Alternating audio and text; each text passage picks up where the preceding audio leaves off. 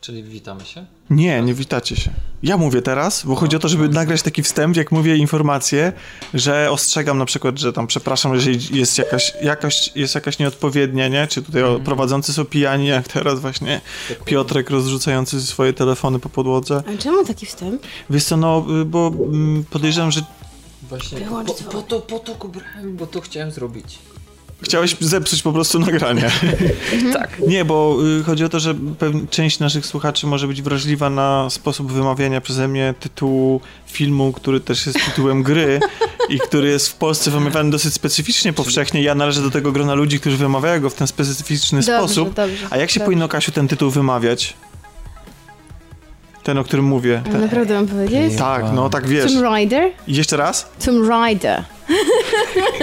No więc, drodzy słuchacze, tego Tomb nie... Raider. Jeszcze raz? Nie! Tego, tej wymowy nie usłyszycie w tym odcinku, natomiast ten odcinek jest pełen złej wymowy w moim wykonaniu, wymowy tradycyjnej dla Polski, czyli Lara Croft. nie, czyli Tomb Raider. Czyli będę grał w grę. Będę grał w grę, czyli jeżeli jesteście wyczuleni na to, że się nie mówi poprawnie, a więc Tomb Raider. Tylko twardo po Tomb polsku. Raider. Tomb Raider. No to niestety, no przykro mi, ale w tym odcinku tego nie będzie. będzie... Ale mm, wydaje mi się, że nie możemy przesadzać, ponieważ pewne nazwy naprawdę się spolszczają, bo już są tak popularne. To jest tak popularna marka, że naprawdę się spolszczyła i wydaje mi się, że rzadko kiedy się słyszy w Polsce taką prawidłową wymowę tej nazwy. Wszyscy Czyli? mówią Tomb Raider. Tomb Raider. To jest takie ładne. Chyba to sobie zalupuję. No więc tak. E, Więc e, myślę, że nie masz się co przejmować, bo e, no... Czy słyszałeś, żeby ktoś tak mówił? Nigdy jesteś, No ty, właśnie. jesteś pierwszą osobą, którą na żywo Tak- słyszę, żeby tak naprawdę powiedział w ten sposób ten tytuł. jeszcze Takie- też nie słyszałem. Tak jak nikt nie mówił w Polsce Madonna albo Michael Jackson, Ja, ja tylko mówiłem. wszyscy mówili Michael Jackson i Madonna. Po prostu, no... Mam wrażenie, że pewne takie mm, słowa, które wchodzą do popkultury z angielskiego, niemieckiego i pewnie też innych języków, po prostu przyjmują brzmienie Polskie, takie polskie. twarde. Także, drodzy słuchacze, jest pełno Tomb Raidera w tym odcinku i jeden... I nie tylko. I nie tylko, bez jeszcze beznadziejne Chronicles, a nie Chronicles. No ale to Tomek już sam się przyznał. Tak, to ja się sam przyznałem. A teraz zapraszamy na odcinek.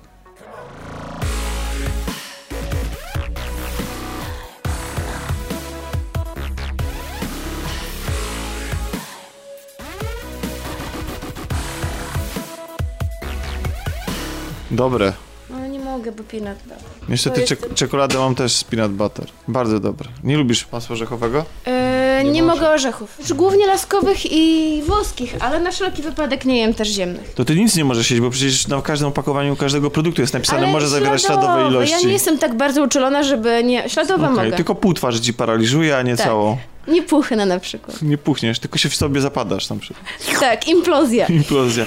Nie no, y, ja powiem tak, no moja siostra sprawiła mi prezent, jak zawsze, kiedy mnie odwiedza i oprócz tego, że przywozi mi najnowsze numery Edge i Retro Gamera, to jeszcze do tego przywiozła flafa i masło orzechowe, takie prawdziwne i w ogóle. A ja, flaf to jest taka marshmallow, pianka. Pianka w słoiku. To w połączeniu, czyli flaw plus masło orzechowe, tylko takie gładkie, wiecie, starte, takie totalnie, no można ewentualnie z kawałkami orzechów. Rewelacja, nie? To jest niebo w gębie i to jest najlepsza rzecz pod słońcem, jaką wymyślono. No zaraz obok białej czekolady z Niemiec, z NRD. Nieprawda, pizza jest, wygrywa z wszystkim. Nie, no wiadomo, jakbym się miał żywić, to bym wybrał pizzę, bo Hawajską.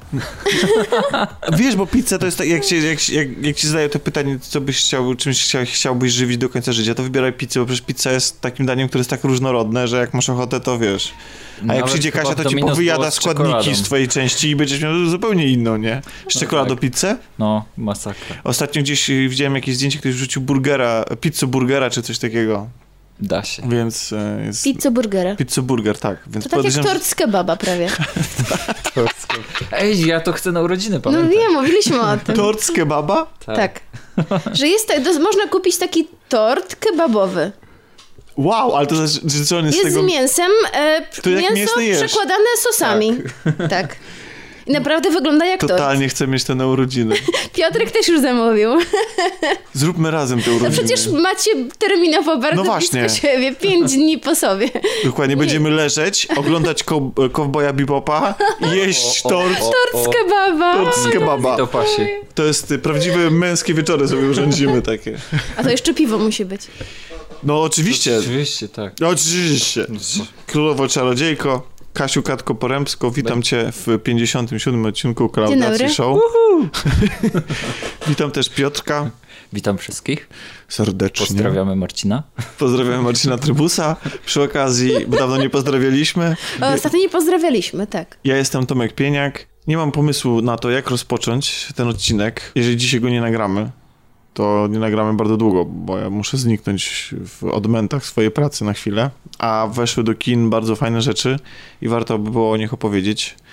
E, Dzieła, na które czekały, no można powiedzieć, całe pokolenia nawet. Dzieła, na które czekały pokolenia? No tak, oczywiście, Co? bardzo głośne.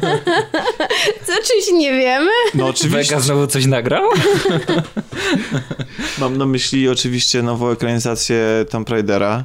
A, to przepraszam. To- Nie, no oczywiście nikt na ten film nie czekał chyba. O którym wszyscy wszystko już wiedzą, zanim w ogóle Tak, wyświetlone został. Właściwie, właściwie fakt, po pierwszym zdjęciu z planu już można było wystawić mu ocenę 5 na 10. Y, To oczywiście była wielka batalia, nie odsyłajmy filmu przed obejrzeniem i oczywiście tak nie wolno, ale prawda jest taka, że film się okazał właśnie takim trochę tworem. A dlaczego to spróbuję pokrótce uargumentować? No my nie krótko. widzieliśmy z Piotrkiem, więc zamieniamy się Jed- w słuch. Jednak. Ale graliśmy, graliśmy, Jednakże. ale filmu nie oglądaliśmy. Jednakże pewnie, jeszcze, d- jeżeli się ktoś nie nastawia na super coś nowego, to może A ty się... widziałeś? Nie. A, no to, To może się, a może jednak Ja się... myślę, że o tym filmie to bez oglądania spokojnie byśmy dali radę opowiedzieć. Tak. No to jest taki... Lara jęczy tak jak w grze. Eee, może nie tyle jęczy jak w grze, ale do, do, zostaje poobijana, tak jak w grze to na pewno. Ale po kolei. To jest... Y, ekra... znaczy może ekranizacja to nie, bo to mimo tego, że gra nawiązuje bardzo mocno do rebootu serii, który miał miejsce w 2013 roku, czyli to nie jest ta Lara, do której często ludzie się odwołują w dyskusjach w internecie, o, Alicia Vikander nie wygląda jak Lara Croft, bo nie ma takiej figury i takiej zadziorności w ogóle. No to jest taka trochę... To jest nowa Lara. To jest zupełnie nowa Lara, która się w 2013 roku pojawiła, więc ci, którzy... Urodziła właściwie. A porównałem ją z poprzednim e, Tomb Raiderem? Y, Ten film? Z filmem. Tak, ja go nawet porównam. Aha. Niestety. Albo na szczęście, bo... E, a jako osoba, która grała w obie części re- rebootu, powiedz, e, mam takie pytanie, czy to jest film, który nawiązuje do obu części e, scenariuszowo, fabularnie, czy takie bazuje trochę, na to tej jest takie drugiej? trochę tricky question, bo ważną częścią tego rebootu jest taka nadrzędna linia, e, nadrzędny wątek dotyczący wiecie, organizacji taka należącej do teorii spiskowej dziejów, coś w stylu Illuminati, tylko tutaj to się nazywa Trinity. Czyli I- pierwsza część gry. No wiesz co, ona też się pojawia w drugiej, więc właściwie Tak. w ten sposób nawiązuje ona do, do dwóch części, natomiast takie, takie założenia ogólne są takie, bardzo budżetowe zresztą, że po prostu Lara trafia na wyspę w, w kierując się notatkami swojego ojca, w których posiadanie wchodzi w pewnym momencie, postanawia, że wyruszy jego śladem i, i trafia na wyspę. Podczas poszukiwań tej wyspy jej ojciec zaginął. Ona nie chce go uznać za zmarłego, mimo tego, że wszyscy dookoła namawiają, żeby podpisała dokumenty stwierdzające, że jej ojciec nie żyje i ona dzięki temu będzie mogła przejąć e, w ogóle majątek. Bo wyobraźcie sobie, Lara, kiedy ją poznajemy w pierwszym akcie, jest e, co prawda dziedziczką, ale taką sama nie akceptuje swojego dziedzictwa, to znaczy nie chce brać pieniędzy ze spadku, no bo nie uznaje, że ojciec e, zmarł i sama sobie radzi w życiu i radzi sobie w ten sposób, że jeździ jako kurier na rowerze. E, I jest taką po prostu zwykłą, nie wiem, no młodą osobą, tak? Po prostu jakby A. zaczynającą, zaczynającą dorosłe życie. Bo jest Jakby pokazał trochę więcej niż w grze. Jakby coś... Totalnie, tak. I to jest w ogóle ten pierwszy akt, w którym poznajemy życie Lary poza byciem e, Tomb Raiderem, czy, e, czy jak to się tam powinno prawie- faktycznie wymawiać. Poza grobowcami. Tak. Poza, poza, poza, tak, poza jeżdżeniem i dewastowaniem e, za, z- zabytków i, Zabytków. tak, I ona i nie plądrowaniem. W Ona nie w imię dewastuje. Ona Jak? wyciąga, owija zawsze to w jakąś tam... Słuchaj, no, Co? z na papier- cze- Jak już Celno- coś znajdzie, ale wszystko po drodze rozwala. Musi wszystko z- ulec zniszczeniu i to jest w ogóle naczelna zasada tego gatunku filmowego, że jeżeli bohaterowie, nie tylko filmowego, ale gier i tak dalej, jeżeli bohaterowie gier typu Uncharted, czy Indiana Jones, e, czy... Ale Indiana Jones nie udaje, że jest jakimś, no nie wiem, że chroni... Nie no jak, on pracuje na uniwersytecie, proszę cię. No Dobra, ale ale- przecież Lara odnajduje te wszystkie zabytki. Masz, jak grasz w grę, to masz możliwość przybliżyć sobie, ona opowiada o tym, co znalazła, O- czytasz o tym zabytku, czyli jest wartość edukacyjna. jakichś, ale w momencie, a nie rozwala się- i idzie dalej. Ale nie, nie mówię, że ona rozwala te części, ale jeżeli chce, żeby dostać się do tych części, to rozwala jakieś e, kolumny, bo ona musi przeskoczyć, albo... Ale to, że akurat wszystko się wali wtedy, kiedy ona biegnie, to nie jej wina, no. No właśnie, to, No, to jest wina... oczywiście. Zawsze tak jest Ona tylko nacisnęła prostu. ten guziczek, który no było napisane To nie naciskać. To jest wina mm, założeń gatunku, który, gdzie na końcu zawsze musi być... Wszystko musi się walić, wszyscy do niej strzelają, jest po prostu wybuch wul- wulkanu albo trzęsienie ziemi, wszyscy ją atakują, ona ucieka, się- No i też, i to się też ma trochę tłumaczyć wszystko- to, że to się niby rozgrywa w naszym świecie i że oni odkrywają jakieś zabytki, które myśmy nie odkryli i dlatego ich nie odkryliśmy, bo one są, wiecie, i tak schowane przed światem, a jeszcze w ogóle uległy samozniszczeniu, więc nie ma właściwie właśnie. czego odkrywać, tak? Więc, więc w ostatnim krucacie na pewno tak było z Indiana Jonesem, że się wszystko waliło na końcu. No i w Tomb Raiderach też tak jest, i w grach, i w Uncharted z serii, więc to jest takie typowe i właśnie o tym chciałem powiedzieć właśnie, że ona... Poza tym ona w grach, i zwłaszcza w tych z lat 90., to jakby bezceremonialnie doprowadzała do, do ostatecznego wyginięcia pewnych gatunków, jak na przykład T-Rex. Więc y, można, można powiedzieć, że ma krew na rękach, chociaż akurat ten moment, motyw, y, bo często jest tak mówione, że Lara ta stara, ta z lat 90., to w którą się wcielała Angelina Jolie w tych dwóch filmach kinowych i to, którą mogliśmy grać od części pierwszej do części powiedzmy Chronicles w grach, bo Angel of Darkness to był w ogóle jakiś koszmarek, ta Lara była jeszcze inna trochę. No to, e, to to jest Lara, ludzie ją kojarzą z taką zawadiacką, pewną siebie dziewczyną, która jest jednocześnie maszyną do zabijania. Tak. Natomiast to jest... em, I znak No rozpoznawczy. tak, dwa ale, pistolety. ale reboot pokazuje narodziny tej Lary. Jak ona się, jak to się stało, że z tej, jak powiedziałeś, kurierki przekształciła się w tą zawadiakę i w tą dziewczynę, która nie waha się pociągnąć za spust i za... Tak, i, ale to nie jest też tak. To, nóż. to nie jest też tak, że te starsze części w ogóle tego tematu nie poruszały, bo w, e, w takim remake'u Anniversary, który jest remake'em pierwszej części, który powstał tam gdzieś w, w latach 2000, tak powiedzmy, nie pamiętam dokładnej daty, Lara ma dokładnie takie same rozterki jak później w reboocie. I ci, bo to są ci sami twórcy, którzy zrobili reboot, e, czyli Crystal Dynamics. Mówimy cały czas o grach teraz. Em, to, to Lara w momencie, w którym ma zabić po raz pierwszy raz człowieka, to, to ona też, y, to nie jest tak, że jej przychodzi to z łatwością. Więc w ogóle ten, ten motyw takiego przeobrażania się z, ze zwykłej dziewczyny w właściwie, no nie najemniczkę, tak, ale kogoś, kto po prostu, kto ma łatwość pociągania za spust i radzenia sobie w trudnych sytuacjach, to się działo gdzieś tam w głowach e, twórców już, już wcześniej. No i w tym reboocie właśnie to zrealizowano. To, to była taka gra bardzo, przynajmniej w wymowie, tak, survivalowa, bo ta gra z 2013 roku, ten reboot był taki bardzo mroczny, e, był, ja tak go przynajmniej zapamiętałem, że Lara była, Larę spotykało bardzo dużo złego. tak i cała, sama ta Jak większość gier się zapomina, to przecież chyba wszyscy na pewno pamiętają, jak ona się nurzała w tej krwi. Niby Dokładnie. nic wielkiego, ale to naprawdę się zapadało w pamięć. w ogóle cała Czy atmosfera... dużo było tam takich scen, które zapadały? Nawet sam początek gry był taki, ja pamiętam go do teraz. No tak. E, I rzeczywiście ta scena w tej rzece krwi e, jest taka bardzo mocna.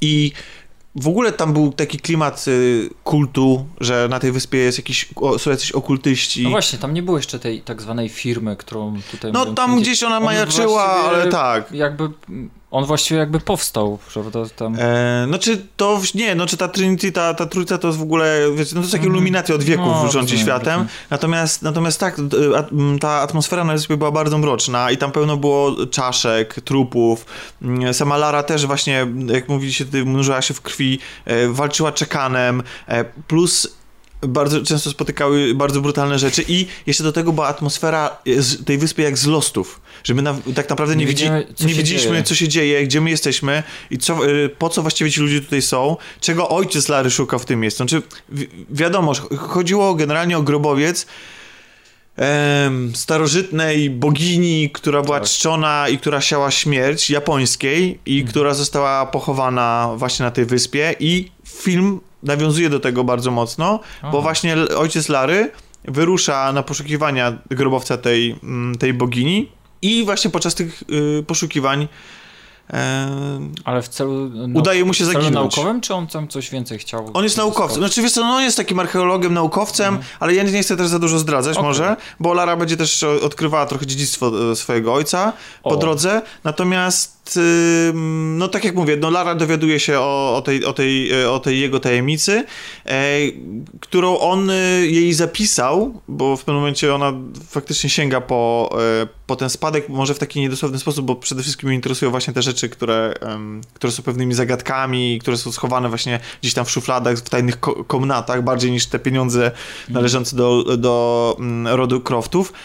I on na końcu, znaczy on jej to zapisuje, to wszystko, po to i daje jej jasny komunikat, żeby ona to wszystko zniszczyła i nie podążała jej, jego śladem. Żeby ona, żeby ona, on jej przygotował wszystkie dokumenty, wszystkie rzeczy, ślady na, na, na temat tej, tej bogini i tego, mm, tego, jak ją znaleźć i wszystkich tych badań, które on prowadzi w tej sprawie i każe jej te badania zniszczyć. No. A ona jak y, posłuszna córka y, tego nie robi oczywiście, Znaczy- no bo wierzy w to, że on żyje i że podążając jego śladem uda mu się ją może ura- Tak, je- w ten sposób. uratować nie, no bo takiego. Chyba, chyba nie rozumiem też za bardzo prośby, bo to jest tak jakby dać komuś, nie wiem, Tam dużo jest takich nielogiczności. To prostu bombonierkę, czy nie wiem, coś, coś dobrego i stwierdzić, że ale ty jej nie jest. ty nie jest tak właśnie. Nie dowiaduj się, co się no, ze mną jak stało. zakazany i- owoc, albo- Dokładnie. No to jest to, totalnie bez sensu. y, Zresztą w Ale- ogóle mam wrażenie, że lo, ym, ród Croftów został pozbawiony tutaj kilkudziesięciu punktów IQ w tym filmie, bo po, popełniają ogromne błędy. Ona popełnia błędy, jej ojciec popełnia błędy. Ja jeszcze bym w stanie był wybaczyć, jako że Jej? młoda. Znaczy wiesz co, nie, ale ona już taka jest, ona jest cwana i inteligentna i zaradna, Więc więc, nie to, powinna. Więc nie Rozumiem. powinna. Zresztą tam są ewidentne, ale wiecie, to takie, no, kino to jest kino rozrywkowe, komercyjne, też nie jest najwyższych lotów, już to powiedzieliśmy na samym początku,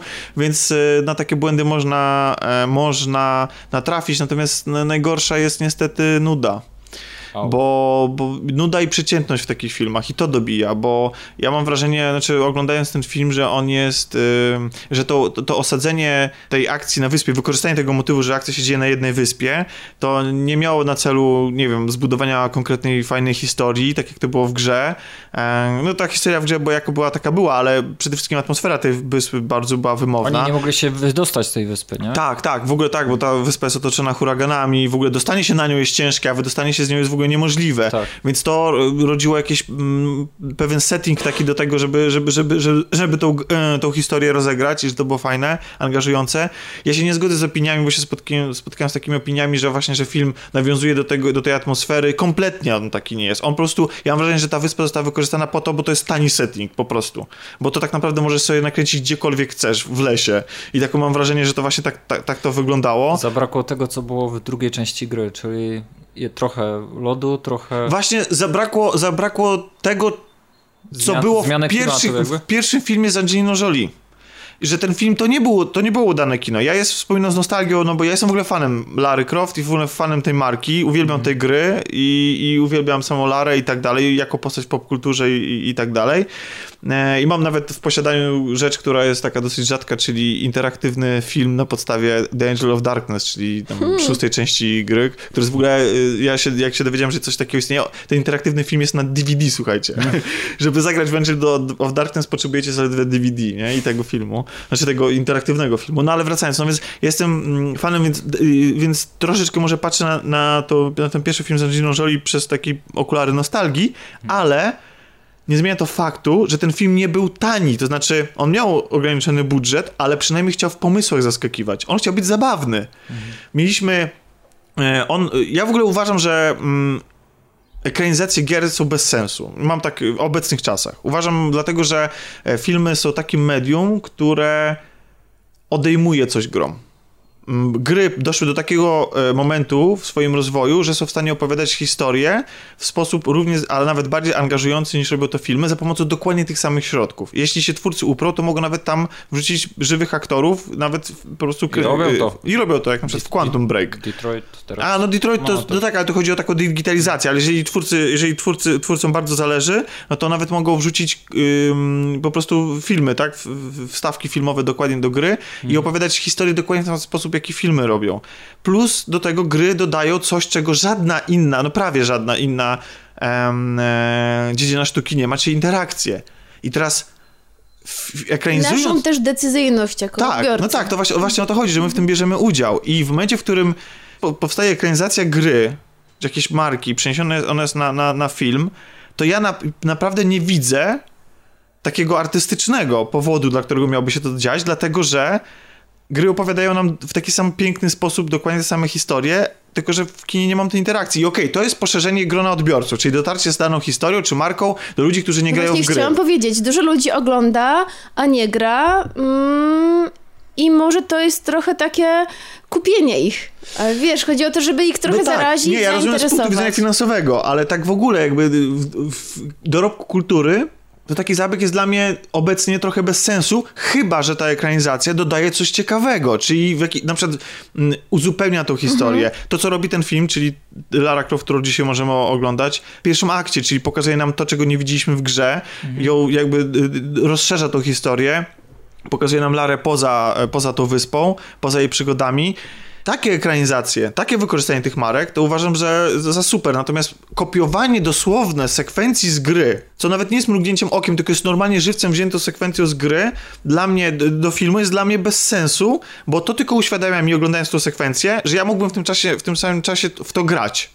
I to byłoby przyjemniejsze. Przyjemniejsze, zwłaszcza, że zrobione jest tutaj w tym filmie to bardzo tanio. To znaczy, ja niestety widziałem tam kiepskie CGI. Widziałem ten blue box, widziałem ten green box. Widziałem... Dla mnie to było nieangażujące. Jest taka sekwencja słynna z gry z 2013 roku, kiedy Lara em, stąpa po i zwiedza taki samolot, który jest gdzieś tam zawieszony i ten samolot tam się obrywa i tak być dalej. może teraz spadnie. No, chciałam Tak. powiedzieć, że być może teraz Znaczy, spadnie, filmie- a to już powiedziałeś, się obrywa. No bo on się, ona w tym filmie ciągle spada, także No tak. to, to można być No ale on pewnym. jest roz, rozchybotany i Tak. boimy się, co się wydarzy. I no i to jest, to jest zrobione dla mnie nieangażująco, bo dla, ja bym w tym, w tym momencie, w tym samym momencie, okej, ja taki samolot mógłbym widzieć jako mrugnięcie okiem, że on jest gdzieś tam na horyzoncie na przykład na tej wyspie, że o, okej, pamiętam to z gry, to jest fajne. Czy to, że Lara używa czekano i w pewnym momencie i tak dalej, to jest, to jest fajne. Natomiast no, ja bym chciał coś nowego. Ja bym chciał, ja bym chciał w miejsce tej, tej, tej, tej, tej, tego fragmentu, samolotu. który ja już znam i który jest mi pokazany, on wygląda gorzej. Bo na, jej lot na spadochronie przez las, taki też słynny fragment z gry,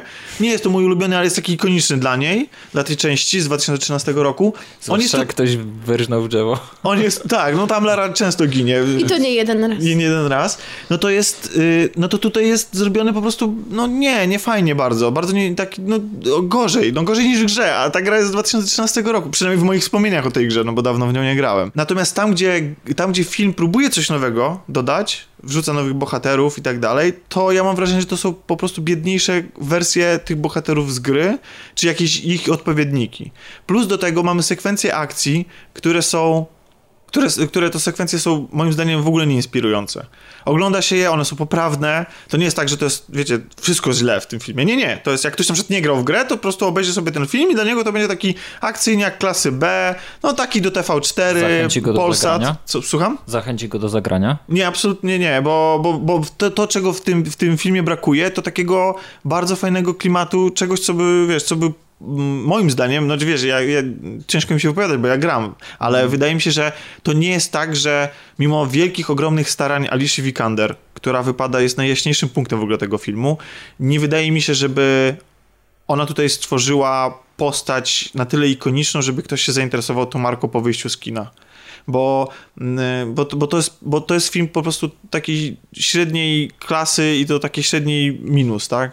Bo to nie jest tak, że tam jest, że tam jest wszystko fatalne. Nie jest tak. Tylko jest po prostu takie zwyczajnie nijakie. Takie, że już widzieliśmy to w tysiącu filmach, że te... No tam jest na przykład sekwencja skradania, bo oczywiście ten film jest zrobiony, ta- y, posklejany z takiej sekwencji, bo La- Lara w grze może się skradać, e, używa łuku, em, mamy sekwencje tam strzelane i tak dalej, mamy ws- dużo wspinania. Film jest tak podzielony, że Lara tutaj też oczywiście trochę wspina, trochę skacze, e, trochę główkuje, tylko że główkowanie tutaj polega na tym, że rozwiązywanie tych problemów to jest tak, że Lara coś robi na ekranie, za wyjątkiem jednej zagadki tak jest, e, że Lara coś robi na ekranie, przestawia, mm, o tutaj wpada na pomysł i my tak na to patrzymy, ale patrzymy na to w ogóle nie zaangażowani, bo Nie widać. bo ja nie wiem, co ona robi. Ojej. Znaczy, okej, no jest to jakaś zagadka, ale nie jest mi wyjaśnione, że ona szuka, znaczy, że ona szuka jakiś, tutaj coś tłumaczy, tutaj coś Zapadniczy. przesuwa, tak, ale to jest tak dla mnie w ten sposób zrobione, że ja nie mogę jej pomagać, wiecie, tak wspierać ją w tym. Okej, no jest jedna taka zagadka i ona jest, y, nie wiem, czy ona jest fajna, ale przynajmniej mnie zaangażowała w ten sposób, że Lara, widać, nie tylko Lara, ale mm, wiele osób w niej bierze udział, żeby uniknąć śmierci, muszą rozwiązać bardzo szybko jakąś zagadkę, tak, bo jak wchodzą do starożytnych ruin, to tam jest oczywiście, te ruiny są wzorem innych przedstawicieli tego gatunku, tam jest oczywiście pełno czyha na nich niebezpieczeństw, tylko te pułapki też są takie, że widzieliśmy je wielokrotnie. To nie jest coś takiego jak kula z w Indianie Jonesie, że widzisz to coś, po po raz pierwszy coś takiego myślisz sobie wow. To nie, to nie są też takie pułapki jak na przykład w e, ostatnim e, Krucjacie, gdzie tam, gdzie, gdzie, gdzie mm, Indiana Jones musi do siebie mówić jakąś zagadkę i rozwiązywać głośno i tak dalej i w ten sposób tam stą- stąpać po odpowiednich, e, po odpowiednich polach. To są rzeczy, które i w grach, i w filmach widziałem już jednokrotnie i oglądałem to bardzo e, nie, nie, a nie, czyli bardzo niezaangażowany. A wierzysz, że na pewno da się coś wymyślić, bo y, wymyśleć, pamiętam, y, nie pamiętam tylko z tytułu, ty- Dark, Dark Messiah było taki motyw, że szedłem w wieżę i też leciała mnie kula i mówię, o, no to trzeba uciec w drugą stronę. Odwracam się, a tam, a tam nie ma podłogi. I, I co zrobić? I tam, tam było motyw, że używało się e, strzałów z linkami i szybko się trzeba było po prostu spiąć. Ale to było właśnie coś takiego nagle nowego. Do starej, utartej, można powiedzieć, już pułapki. For, formuły. No, no tutaj, tutaj tego nie ma i mm, to jest takie, no to jest, dlatego dla mnie ten film jest po prostu nudny, bo, bo, bo on jest, bo serwuje mi rzeczy, które ja widziałem już w grze, natomiast y, jeżeli ich nie widziałem w grze, to to, co mi serwuje nowego, to to nie jest, to jest po prostu średnio ciekawe. I ja, bo mam wrażenie, że ta moja opowieść jest bardzo szarpana i może się wydawać chaotyczna i myśmy skacz, skaczemy tutaj pomiędzy grami i filmem, e, to chciałbym jeszcze tylko wrócić do tego, że ty tutaj powiedziałeś o, o różnorodności w grach, że gry, zwłaszcza te stare, to nie była jedna lokacja, tylko, że, y, tylko jeździ- jeździliśmy mm, pomiędzy różnymi e, cywilizacjami i zwiedzaliśmy ru- ruiny w różnych okolicznościach przyrody. I to starał się robić bardzo fajnie właśnie film z e, Angeliną Jolie, ten, ten, ten pierwszy, gdzie mieliśmy e, egzotyczne lokacje, gdzie dżungla była faktycznie dżunglą i w tej dżungli zwiedzaliśmy starożytną lokację, która starała się nawiązywać do cywilizacji i kultury, która nie jest oklepana w, e, w kinie. I, i, I ten film jakkolwiek, no ma jedną niezaprzeczalną zaletę, no jest tam też Daniel Craig i oczywiście Angelina Jolie, więc i tutaj, no i ta Lara jest faktycznie jest bardzo charyzmatyczna i Angelina chyba stworzyła y, jednak tą ikonę, chyba jej się udało mimo, mimo y, słabości tamtego filmu, to jednak właśnie dużo ludzi zapamiętało, że to jest ta Lara Tak, Croft. jest kojarzona, jej twarz jest kojarzona już z tą marką, z, jest z, z tą marką. I dlatego ludzie, którzy nie wiedzą o tym reboocie, nie wiedzą o tym, że, ym, że Lara zmieniła się z takiej posągowej, ikonicznej... Nastolatka. Tak, y, no może nie nastolatkę, ona ma 27 lat. No tak, ale jest też inaczej drobna. zbudowana, delikatniejsza. Tak, jest delikatniejsza. O, chyba wasza pizza przyjechała. E, I jeszcze jak jesteśmy tutaj, jak jesteśmy przy pizzy, to powiem od razu o survivalu i o tym, jak przetrwać właśnie. Tutaj, tutaj brakuje tego, tego, tego elementu, który był świetnie rozegrany w grze. No brakuje mi tego, że czułem, że, że ona jest osaczona, że ona musi przetrwać na tej wyspie. I wspominaliśmy tutaj też o wątku, o tym, że, że Lara przeistacza się z niewinnej dziewczyny w maszynę do zabijania. I było sporo narzekań do em, Riany Pratchett, czyli córki tego Pratchetta Tak, tak. e, pisarza słynnego. Terego Pratchett. No, te, tego Terego, Tego. tego Terego, który, która z kolei odpowiadała właśnie za scenariusz do tego rebootu w 2013 roku i było dużo zastrzeżeń do niej, że ta przemiana jest zbyt y, intensywna, zbyt gwałtowna, że ona tutaj ma jakieś problemy moralne z zabiciem jelonka, e, ma, ma, A za chwilę, wiadomo. a za chwilę wyżyna cały oddział e, kultystów, tylko że... Aż tak tego ja przynajmniej nie odebrałem. Ja też, prawdę mówiąc, też nie, ale, ale rozumiem, że ktoś może mieć na to, no, y, do tego zastrzeżenia, no to jeżeli wam przeszkadzało, że w grze to się stało tak super szybko, to słuchajcie, to, to w filmie się dzieje to w dwie sekundy. E, I to jest, to jest o tyle, y, znaczy, to jest, to jest przykre, bo tak naprawdę ten moment, kiedy Lara po raz pierwszy zabija człowieka, to jest jeden z najlepszych momentów w filmie. To jest fantastycznie nakręcony. Ach, w filmie? W filmie, tak. To jest moment, który jest y, bardzo klimatycznie nakręcony, bardzo, y, on oddaje dos dosłownie atmosferę tej, tej, tej chwili i bardziej niż to, co się dzieje, że mamy dostrzec te szczegóły całej tej walki, to twórców bardziej interesuje to, w jaki sposób to jest istotne dla samej Lary, że obraz po raz pierwszy w tym filmie zdaje się współgrać z opowieścią i być czymś więcej niż tylko takim po prostu rejestracją wydarzeń. I to, i, i ja w tym momencie sobie pomyślałem, o kurczę, ten, ten, ten film może skręcić coś naprawdę fajnego. Po pierwszym akcie, który był naprawdę spoko, był, mm. był całkiem ciekawy, E, że, że on może jednak mieć coś ciekawego do powiedzenia, po czym Lara po zabiciu do, znaczy, cały ten moment jest tak zbudowany, że ona ma przeżyć tą traumę i ta trauma trwa dwie sekundy, bo za chwilę muszą nią targać zupełnie inne emocje i tutaj nie będę e, mhm. zdradzał jakie. I to jest kompletnie bez sensu, bo my w ogóle nie dajemy jej szansy tak, przy, przeżycia tego. Chwilę właśnie, tak. dokładnie. I ona za chwilę już biega po dżungli, już strzela zawodowo z łuku, to akurat jest wytłumaczone, dlaczego tak się dzieje.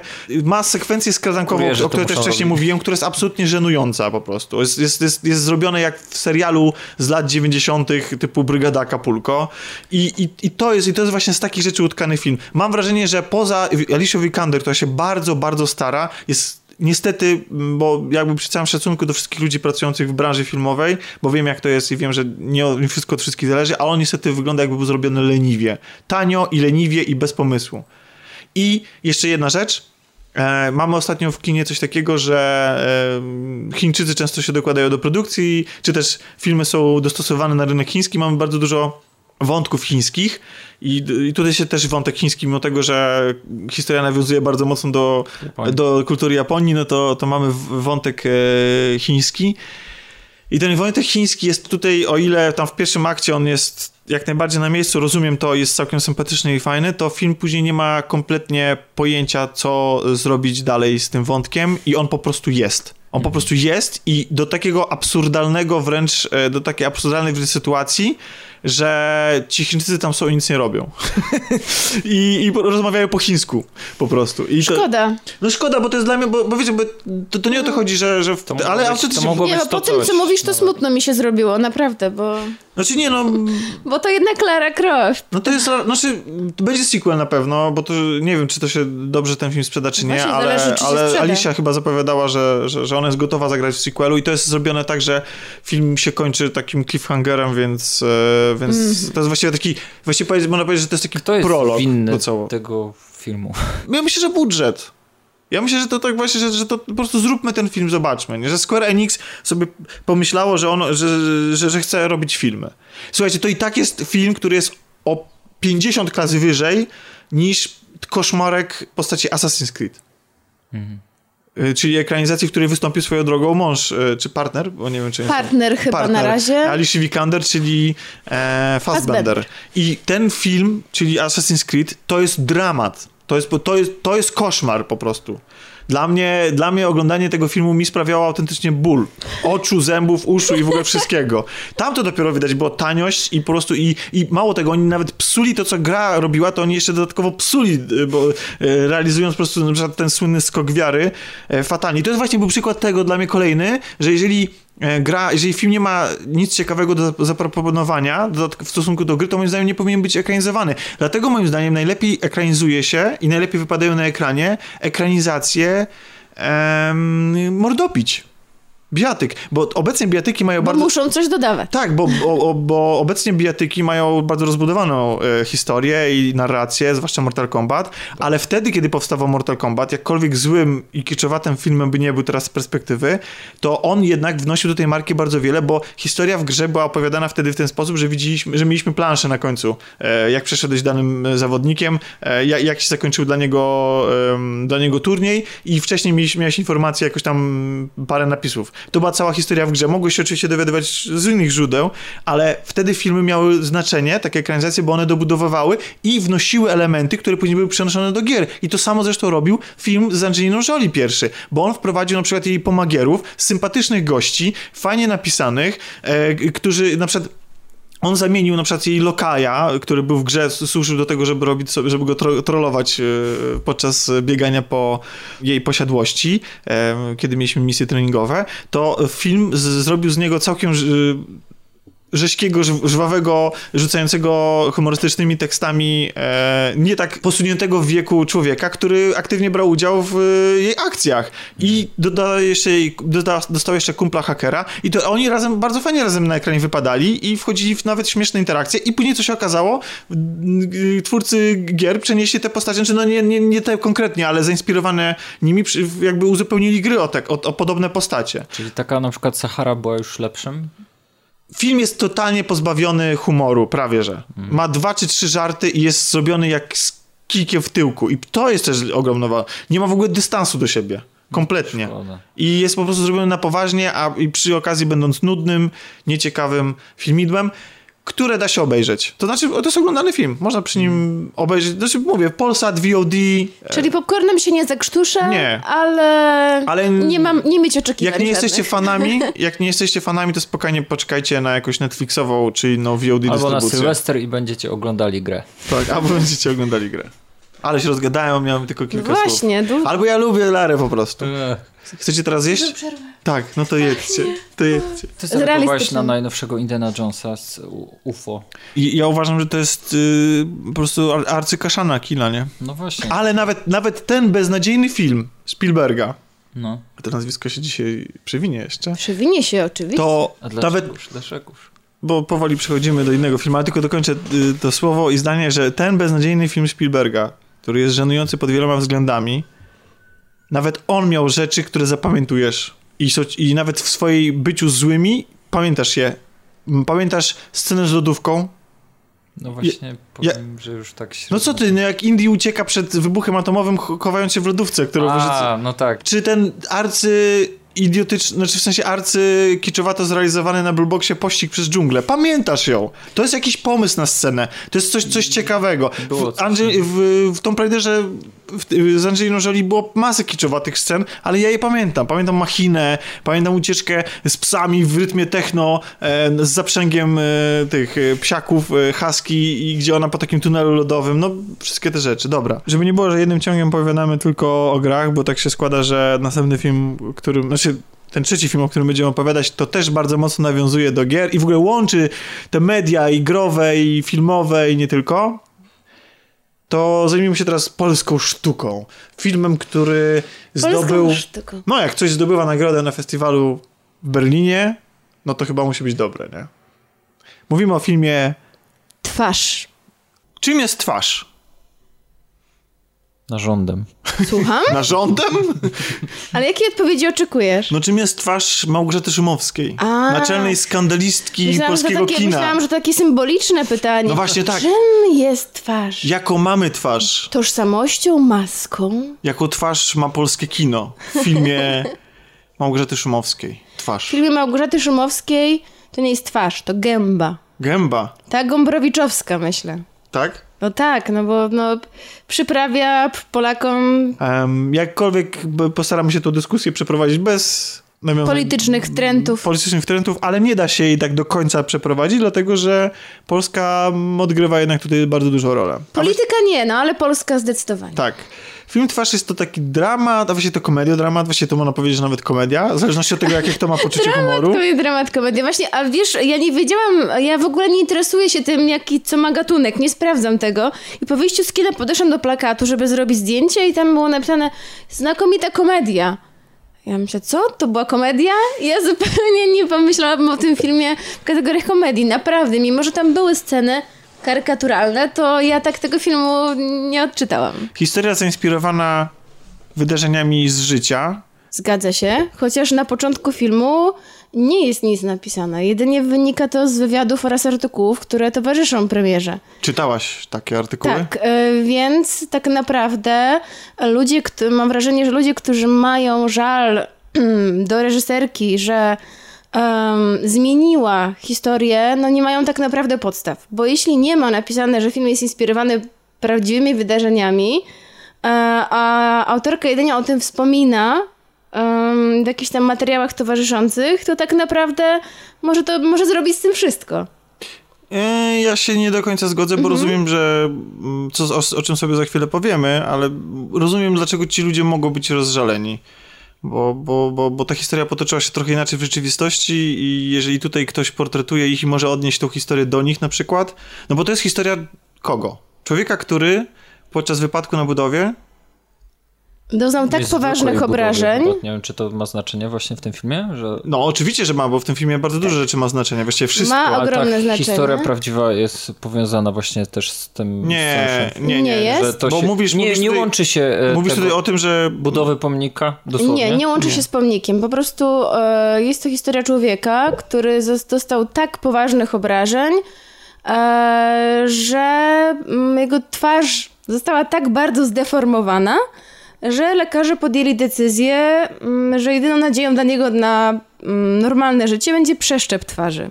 I dokładnie taka sama e, jakby historia ma też miejsce w filmie. jakkolwiek futurystycznie mogłoby to brzmieć, jeżeli nie słyszeliście o tej historii, no to trzeba też wiedzieć, że ten przeszczep pozwala mu funkcjonować, bo to nie jest tak, że on nagle dostał drugą twarz jak w filmie bez twarzy e, Johna Woo, gdzie John Travolta się zamienił twarzą z Nicolasem Cage'em. Bardzo lubię ten film, proszę nie szkalować.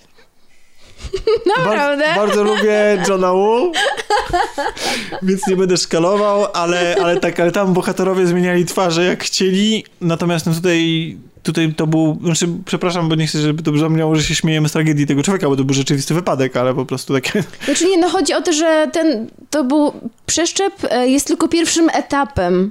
E, Jest to też wspomniane w filmie, prawda? Że jeszcze czeka go szereg operacji, długiej rehabilitacji i na razie on nie ma nawet czucia w tej twarzy. On nie potrafi tą twarzą poruszać, jest pozbawiony mimiki.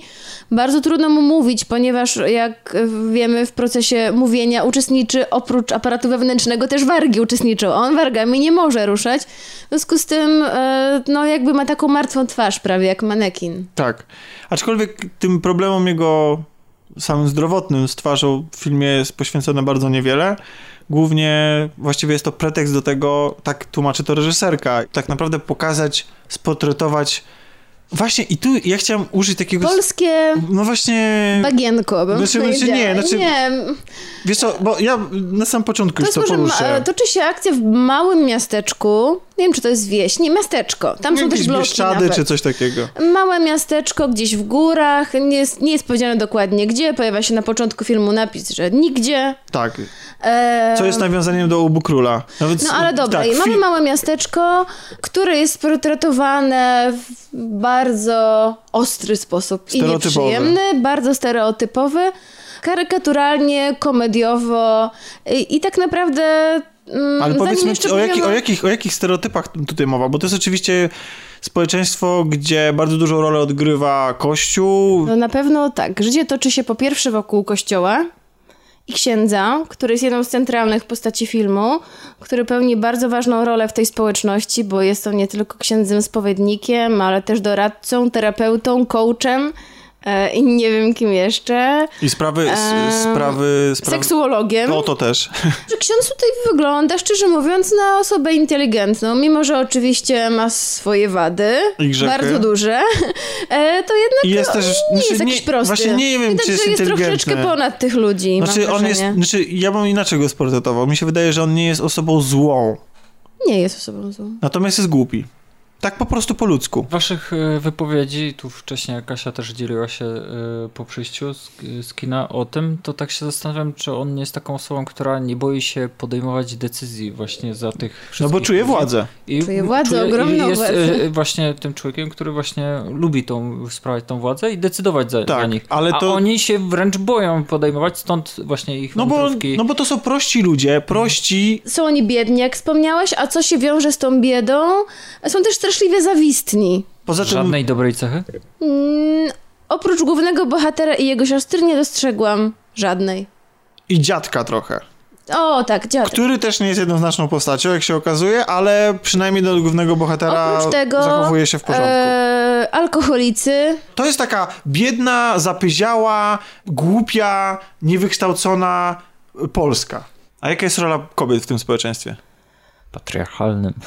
No właśnie nie, nie do końca, bo momentami e, jest to pokazane, że e, jest to społeczeństwo patriarchalne w niektórych scenach, ale w niektórych scenach to kobiety przejmują tak naprawdę, e, mają taką moc decyzyjną.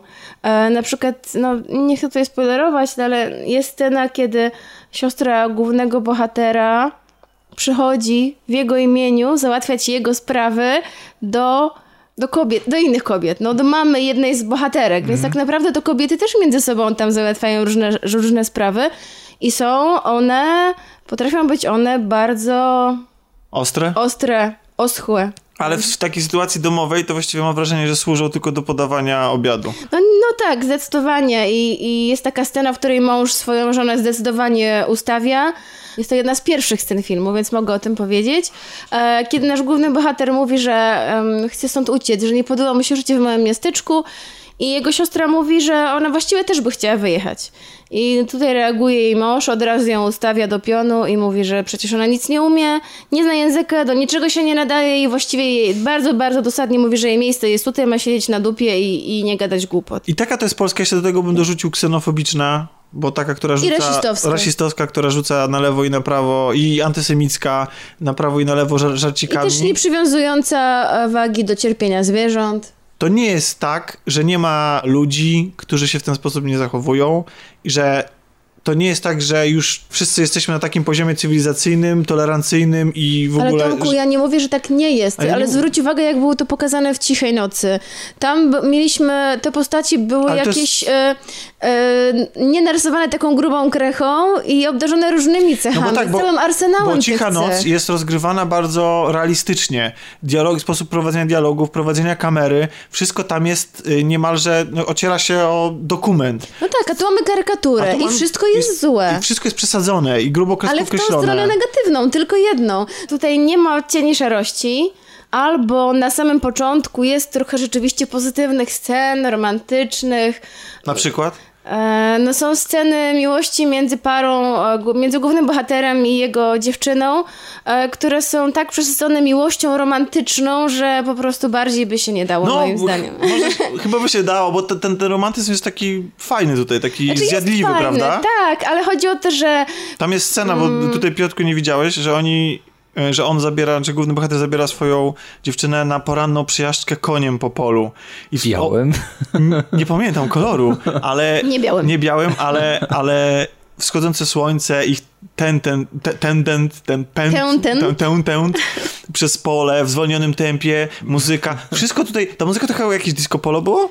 e, nie pamiętam, chyba nie disco polo, ale to, a może ta, do której ona tańczyła? No, mi się wydaje, że to było takie, że to było chyba disco polo, teraz nie chcę skłamać, ale wiem, że muzyka mnie zaskoczyła w tym momencie i o dziwo, to wszystko jakoś tak się ładnie zgrało i nie było takie przesadzone Bo, i kiczowate. E, właśnie ona tak e, umiejętnie e, może połączyła te sceny e, romantyczne z troszeczkę, trochę z taką przaśnością, ale to właśnie mm, zrobiła to w taki sposób, że Ze smakiem. e, uśmiechamy się, nie śmiejemy się z tego. Mamy też bardzo wzruszającą scenę, której, która się dzieje już w późniejszej części filmu, tańca, e, który się dzieje podczas tańca, podczas e, Komunii Świętej. To była jedna z nielicznych scen w tym filmie, która tak mnie poruszyła. W ogóle nie powiedzieliśmy, bo oprócz tego, że główny bohater miał wypadek, to nie nakreśliliśmy całej sytuacji. Kim jest główny bohater? Marzycielem, niespełnionym człowiekiem. No jest marzycielem. No nie, jasne, oczywiście. Jest fanem metalu przede jest wszystkim. fanem metalu, a chyba wydaje mi się, że w małym miasteczku nie ma łatwego życia w związku z tym, bo jest to mu wypominane wielokrotnie podczas filmu, Ale jest że to... obciąłbyś te włosy człowieku w ogóle, przestałbyś słuchać tej muzyki, to wszystko wina tego metalu i... Ale to, ale to też jest takie raczej Pobłażliwe myślisz? pobłażliwe, raczej sympatyczne, to jest takie, no bo nie, nie ma, to jest tak, że nie, on, nie, nie jest obar, traktowany, szykanowany. szykanowany, czy jakimś nie, ostracyzmem nie traktowany. jest, no ale e, mam wrażenie, Takie że on, dogadywanie. że on został właśnie, mm, ona go stworzyła tym metalem właśnie, żeby pokazać, że on jest takim marzycielem, idealistą, trochę taki oderwany od tego świata. Ale z wytatuowanym Jezusem Ale na jednocześnie, piersi, na bicepsie. Tak, z jednej strony Metallica, e, z drugiej Jezus, więc e, No i jego praca też się łączy z Kościołem i z Jezusem. e, tak, ale to nie jest tak, że to jest jego stała praca, bo jest wspomniane, że on się i ma różnych prac. Znaczy bierze pewnie co tylko się nawinie, żeby po pierwsze pomóc swojej rodzinie, bo tam oni się składają na różne rzeczy. Tu jest pokazane, jak się składają na, e, na kupno świni. Na, na święta. Na święta, tak. E, no, a akurat teraz, jak się toczy akcja filmu, pracuję przy budowie Jezusa, który jest odpowiednikiem naszego polskiego Jezusa Świebodzińskiego, który ma być większy niż Jezus z Rio de Janeiro. Oczywiście. wszystkim. Przede wszystkim. I budowa staje w momencie, kiedy ma być zainstalowana. Zgadnij, Piotrek, co? Głowa. Twarz. Twarz. Ach, no. Bo oczywiście wszystko w tym filmie jest symboliczne, co jest akurat na plus tego filmu. Mamy dużo takiego foreshadowingu, mamy dużo, e, na przykład mamy tę sekwencję w, w sklepie monopolowym, gdzie mówiła, że spotykamy żulików i jeden z żulików bełkocze tak, że nie da się go, nie jesteśmy go w stanie zrozumieć, no to też jest nawiązanie do tego, w jaki sposób bohater po wypadku będzie się komunikował, tak? Czy mamy scenę, którą ty byłaś poruszona i uważasz, że była przesadzona? Ja też uważam, że ona przesadzona była i wydaje mi się, że ona była powstała, wymyślona, e, powstała na planie, ale ona, ja ją... O której scenie O scenie bawienia się u, y, obciętym A dzieci bawią się łbem świni. Ja się z taką sytuacją to jest, nie spotkałem też. No właśnie o to chodzi. Ja ale, nie wierzę, żeby ale ona jest potraktowana, ale ona jest potraktowana symbolicznie, Symbolicznie, bo tutaj wiem. twarz ma bardzo duże znaczenie. Tomek, gdyby ten film był e, innym tonem opowiedziany, takim trochę poważniejszym, niekoniecznie przychylniejszym, ale nie karykaturalnym, to potraktowałabym tę scenę e, z głową świni właśnie w taki sposób inny. Rozumiem, taki ona, nie, trochę ona, ona ci nie metaforyczny. pasowała. Tak, a, a w tym kontekście pokażmy, e, co jest złego w Polakach i się pośmiejmy z nich. Bo ta scena wydawała mi się, jakby mówiła, zobaczcie, jak, bo najpierw jest jeszcze pokazana scena świniobicia, e, oczywiście w sposób taki, że nie słyszymy, nie widzimy, co się dzieje, ale słyszymy krzyki świni. I zobaczcie, tak, y, brak szacunku dla zwierząt, zabijają zwierzę, a potem jeszcze dają dzieciom do zabawy głowę. No tak to dla mnie No, wyglądało. no mi się najbardziej nie podobała scena na cmentarzu y, z sikającym e, na grób, Na grób psem. psem. Nigdy w życiu się nie spotkałem z taką sytuacją. To był czyjś pies, tak przynajmniej wywnioskowałem z filmu i nigdy nie, nie ja sobie nie, nie czy to jest dla mnie absolutnie z kosmosu Znaczy, na wszystkie rzecz. cmentarze w ogóle jest zakaz prowadzenia psów, albo Dokładnie. jeśli już to na smyczy i w kagańcu, więc I- e, nawet na wsiach i w małych miasteczkach. Tak, i ale ja, wydaje wyda- mi się, że wydaje jest mi się, zakaz. że, że tak, że to jest jakaś pewna granica, która nigdy... Byliśmy z Piotrkiem na Wszystkich Świętych e, na wsi, na cmentarzu e, i też był tam zakaz prowadzenia psów i pamiętasz koleżanka twojego taty? Z psem przyszła i przywiązała go- tego psa do bramy. On nie mógł wejść na cmentarz. On czeka, czekał pies na właścicielkę i to było też wiejski, malutki cmentarzek, więc nie sądzę, żeby takie rzeczy się działy na, w rzeczywistości. Ale wracając do samej fabuły. Nasz główny, nasz bohater planuje przede wszystkim. To jest jego cel, jest wyjazd do Londynu i tam spróbowanie szczęścia. Być może po tym, jak się z tą swoją dziewczyną ożeni. To jest takie biedne No, a, życie, jak już a powiedzieliśmy. rodzina nie popiera, oprócz siostry, która mam wrażenie zawsze, zawsze go wspiera we wszystkich decyzjach. Rodzina go nie popiera, uważa, że nie ma tam szans, nie ma tam języka, nie zna języka, nie poradzi sobie, a w ogóle to powinien zostać Tak. e, w Polsce, czego on chce w ogóle za granicą szukać. Ale generalnie można powiedzieć, że jakoś funkcjonuje. Do momentu, kiedy przytrafia mu się wypadek i po operacji, która jest medialną, medialnym wydarzeniem, zjawia się telewizja i Krzysztof Ibiś nawet, Kilkukrotnie się Krzysztof Ibisz tak, pojawia. to, to prawda, no, która jest y, takim ewidentnym nawiązaniem do tego, co miało miejsce w rzeczywistości. Wraca w swoje rodzinne strony i zaczyna się właściwa opowieść. Powinna się zacząć właściwie. Właściwie em, I na początku jest celebrytą.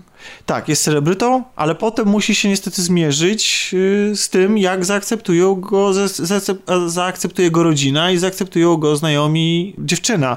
To jest fenomenalny temat na film. Nie dość, że historia prawdziwa, przeszczep twarzy. Twarz jest tym, co widzimy codziennie w lustrze i co tak naprawdę, na co patrzymy też jakby, jak patrzymy na innych ludzi, to patrzymy na początku na twarz. To jest coś, co nas tworzy. To jest element naszej tożsamości. E, I ja sobie nie wyobrażam, co, co musi czuć osoba, która przychodzi do domu po takiej operacji i patrzy w lustro i widzi kogoś innego. E, I to nie tylko jest kwestia akceptacji świata, ale samego siebie i życia z inną twarzą.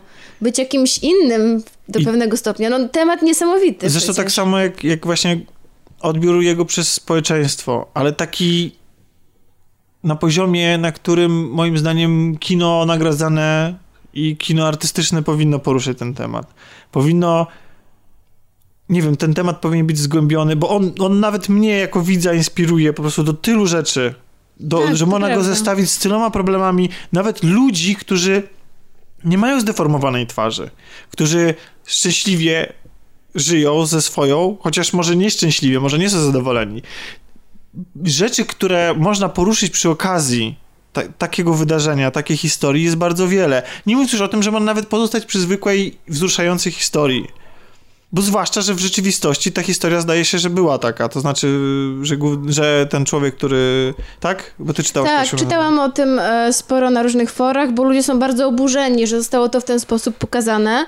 Podobno w rzeczywistości tak w ogóle nie było i bohater jest bardzo wspierany przez ludzi, sąsiadów, przez całe miasteczko i... Znaczy bohater, ten człowiek. E, czy, ten czy... człowiek, tak. I dlatego nie wiem na ile to jest prawda, bo niestety nie udało mi się dotrzeć do wiarygodnego źródła informacji. Podobno został zaproszony na premierę, ale nie skorzystał, ponieważ e, dowiedział się, jak to właśnie. Jak, zostało przez, jak została ta historia przedstawiona i nie chciał tego filmu oglądać. Bo ja mam wrażenie, że to jest tylko zwykły pretekst i to zmarnowany pretekst bardzo do tego, żeby reżyserka pokazała na ekranie nam zbiór y, skeczy, tak jak powiedziałaś wcześniej, mających na celu, żeby Myśmy się pośmiali, jaka ta Polska jest zapyziała i, i zacofana i ksenofobiczna no, ale i tak właśnie, dalej. to dlaczego w ogóle ten temat wzięła, skoro to chciała zrobić? No. A jeszcze ona to tłumaczy tym, że dzięki temu, że mm, przedstawiła to w tak karykaturalny sposób, to ona, e, czego zupełnie nie rozumiem, e, że ta historia się staje, uwaga, ona mówi, że to jest uniwersalna i staje, się przypowieścią. To nie jest uniwersalna historia, jest, kiedy w pierwszej scenie pokazujesz majtki z napisem Polska. Dokładnie, bo to jest, bo to jest, bo, to, bo ona niepotrzebnie metkuje te rzeczy, moim zdaniem, polską, dlatego, że te problemy, które się pojawiają w filmie są uniwersalne. Mam, film otwiera sekwencja, gdzie ludzie walczą o telewizor... To, to jest akurat dobra scena, tak. uważam. gdzie ludzie walczą o telewizory w supermarkecie na promocjach. Ale. To nie było dla mnie ani grama bardziej szokujące, co to się tam wydarzyło, niż to, co możemy oglądać na klipach z Czarnego Piątku posłuch, w, w no, Stanach Zjednoczonych. Nie no, ale to się to dzieje pod każdą szerokością geograficzną. Bo co jest ważne, napisane jest na transparencie, że jest to promocja dla golasów, więc żeby wbiec do sklepu po telewizor, trzeba się rozebrać do bielizny. No tak, ale to chodzi o to, że to było ludzie pod... walczą o te telewizory, w, będąc w samej bieliźnie Jeszcze bardziej je. Tak, tak jakby sama tak. walka o te telewizory nie była upadlająca. I po prostu w, tej, w pewnym momencie tej sceny następuje zbliżenie na wypięty tyłek w majtkach e, Polska. z napisem Polska. I dla mnie, ja uważam, że o ile portretowanie i punktowanie polskich przywar jest jak zawsze aktualne i powinno się odbywać, o tyle akurat w tym wypadku to jest takie na siłę metkowanie tych no, rzeczy. Jest to bardzo. Ludzka, ludzka małość, yy, nienawiść, zawiść, niechęć, strach, yy, ksenofobia, to, to się pojawia w Wszędzie. No dlatego powiedziałam o e, filmie Człowiek Słoń, e, którego akcja toczyła się wiele lat temu w zupełnie innych realiach, w innym świecie, a bardzo Zwłasz, podobna historia. Zwłaszcza, że nie tylko reżyserka nie mówi tutaj nic nowego, mhm. czy oryginalnego, ale nie daje atrakcyjnych y, artystycznie przykładów. Posługuje się wręcz takim prostym myśleniem, wręcz memicznym, takim, gdzie możemy znaleźć w sieci po prostu masę takich obrazków, czy tam na Facebooku, czy gdzieś, gdzie tam przesyłanych, takich wiecie, niby śmiesznych. Jak... Obrazków, dowcipów. Dokładnie. No, jedna Takie... ze scen filmu to jest rodzina siedzi przy wódce, opowiadają sobie dowcip i to jest scena jak właśnie wyjęta z jakiegoś internetowego mema. Tak, ale tak samo, słuchaj, to jest film, w którym jest scena, jak rodzina się bije o pole nad grobem jeszcze nie do końca pochowanego yy, przodka, tak, którym to pole zapisał.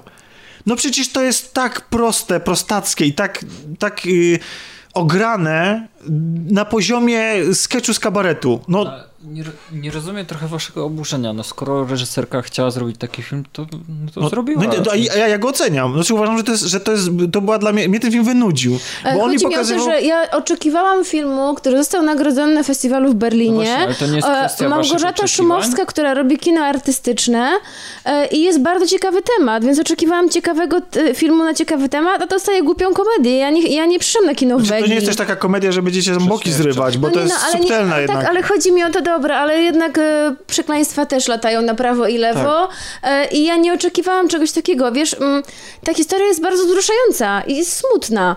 I wiesz, i mi, mm, to, co ja wyszłam zdegustowana, nie ukrywam tego, napisałam to na naszej grupie, e, te, nie tylko dlatego, że uważam, że jest tak Polska przedstawiona, bo w wielu filmach jest tak przedstawiona i nie jestem zdegustowana. Prostackie przedstawienie tego wszystkiego jest e, zestawione z ciekawą, poruszającą historią. I to we mnie budzi jakiś taki dysonans. Dlaczego? Znaczy mam wrażenie, że ten powrót jego po operacji jest tylko takim e, katalizatorem. E, jest to sytuacja kryzysowa, która właśnie jest okazją do tego, Taka żeby... poży pożywka dla Tak, tego, żeby, żeby w społeczeństwie mogli się zadziało. zacząć- To by mogło być coś zupełnie innego. Na przykład przyjeżdża obca osoba do miasta, albo no coś, wiesz, jakieś po prostu nowe wydarzenie w mieście. Dzięki temu, że coś się wydarza, to zaczynają ludzie jakoś reagować i, i możemy zobaczyć ich reakcje, ale to nie są konkretnie reakcje na, na twarz. To są reakcje po prostu na coś nowego, na inność, na, na coś, co się wydarza. Bo one służą bardziej niż y, moim zdaniem prawdzie psychologicznej, chociaż nie jestem psychologiem i socjologiem, ale wydaje mi się, że one służą bardziej właśnie temu przejrzeniu się katalogu y, polskich ułomności. Polskich, znaczy w ogóle ludzkich ułomności. Po prostu chcia... Mi się, ja mi się chciała- nasuwa po prostu pytanie, czy, yy, czyli jakby nie było tego wątku o tym gościu, który stra- stracił twarz, tylko po prostu pokazane samo to miasteczko z No tymi to- przywarami, to wtedy byłoby akceptowalne. O to Nie. Chodzi, tak? Nie, Nie. właśnie o to chodzi, że ja bym To chodzi chciała... o same też, że tak dużo tych przywar, ale to przecież to Nie, od że razu... dużo. Chodzi o to, że ona po pierwsze ich nie zgłębia, tylko je wymienia. Ona się w ogóle na tym nie pochyla. To jest tak jak mówię, to jest taki przelot, odhaczenie kolejnych, y, y, kolejnych rzeczy, z których się można pośmiać. I okej, A czym to się różni Tylko, od że te- świra takiego? w dniu świra to było lustro postawione inteligencji. To było lustro postawione całemu przekrojowi społecznemu.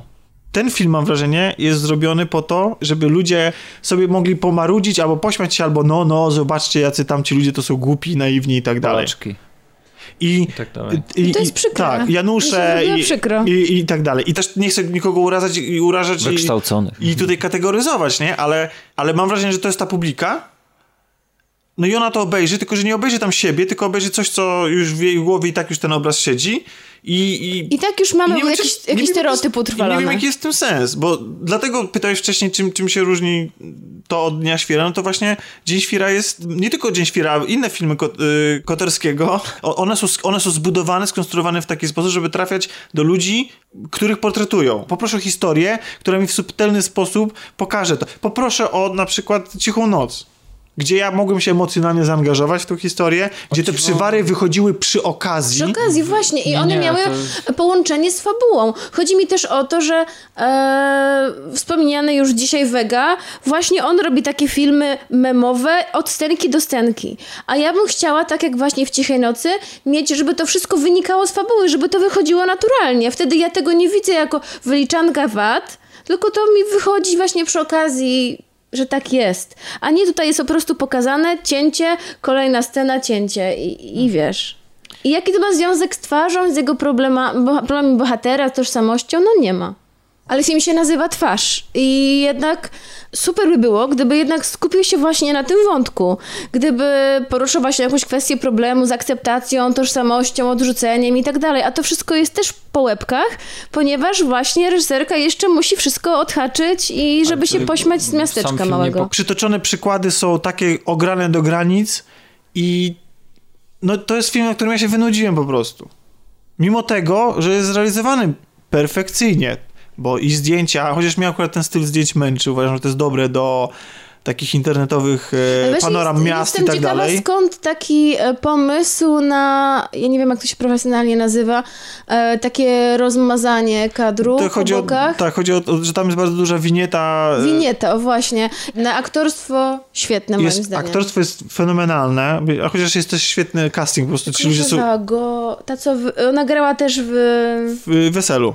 Sam ksiądz nie, no, też ale w tym filmie wyglądał o tych, ciekawie. o tych, co my oglądaliśmy ostatnio, z Kingą Price i, i Olszówką, co to było?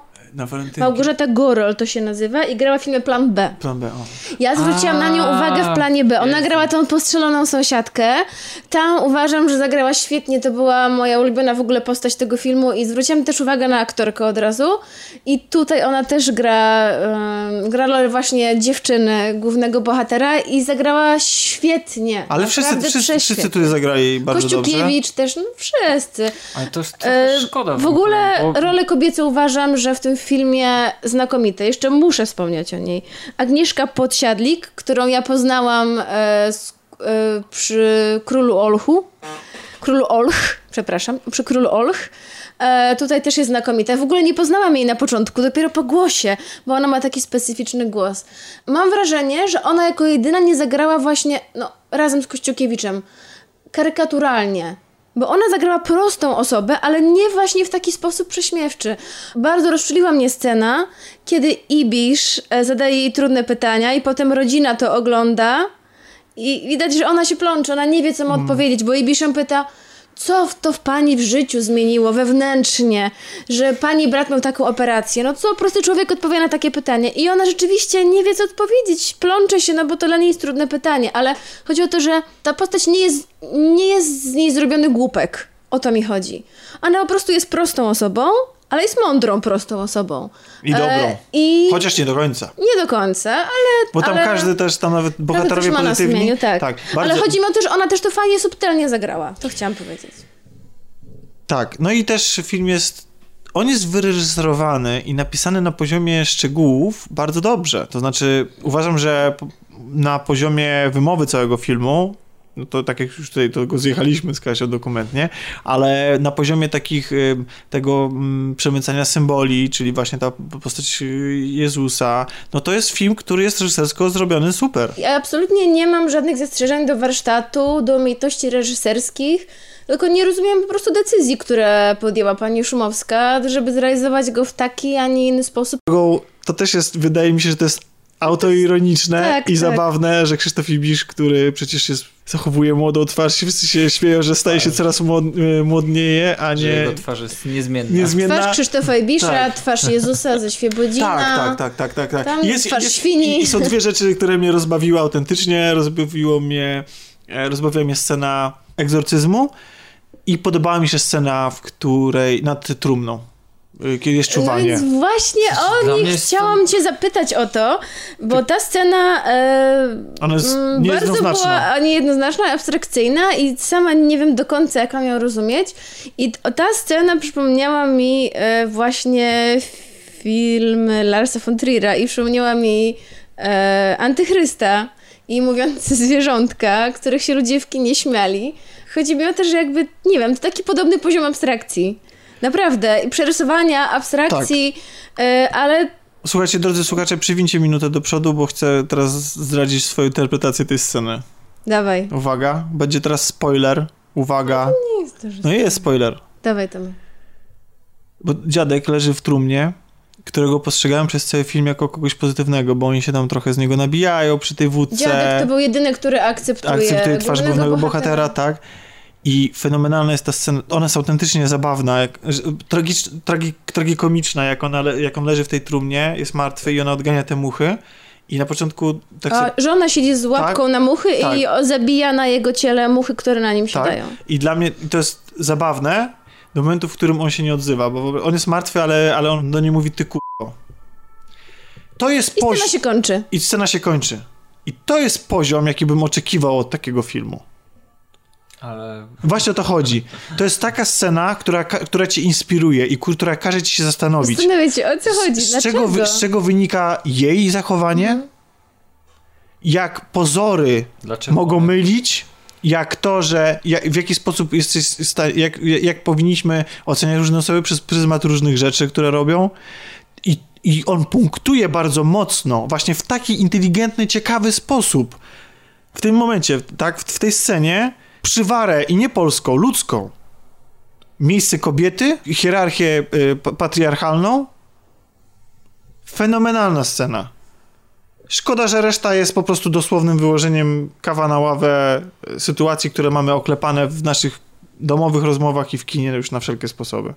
Naprawdę, więcej takich rzeczy, gdyby było, to byłoby super, a nie jest. Czy iść, sami zdecydujcie. Ja mam wrażenie, że ten film trzeba zobaczyć samemu i ocenić, bo są bardzo różne zdania i krytyków, i widzów na forach internetowych, jak czytałam. My akurat odebraliśmy go w taki sposób, ale dużo ludzi się zachwyca. Szumowska naprawdę jest perfekcyjną e, reżyserką. I, I na takim poziomie szczegółów, poszczególnych scen. Tam wszystko, tam inscenizacyjnie, no wszystko gra. Dobrze, tym suchym żartem...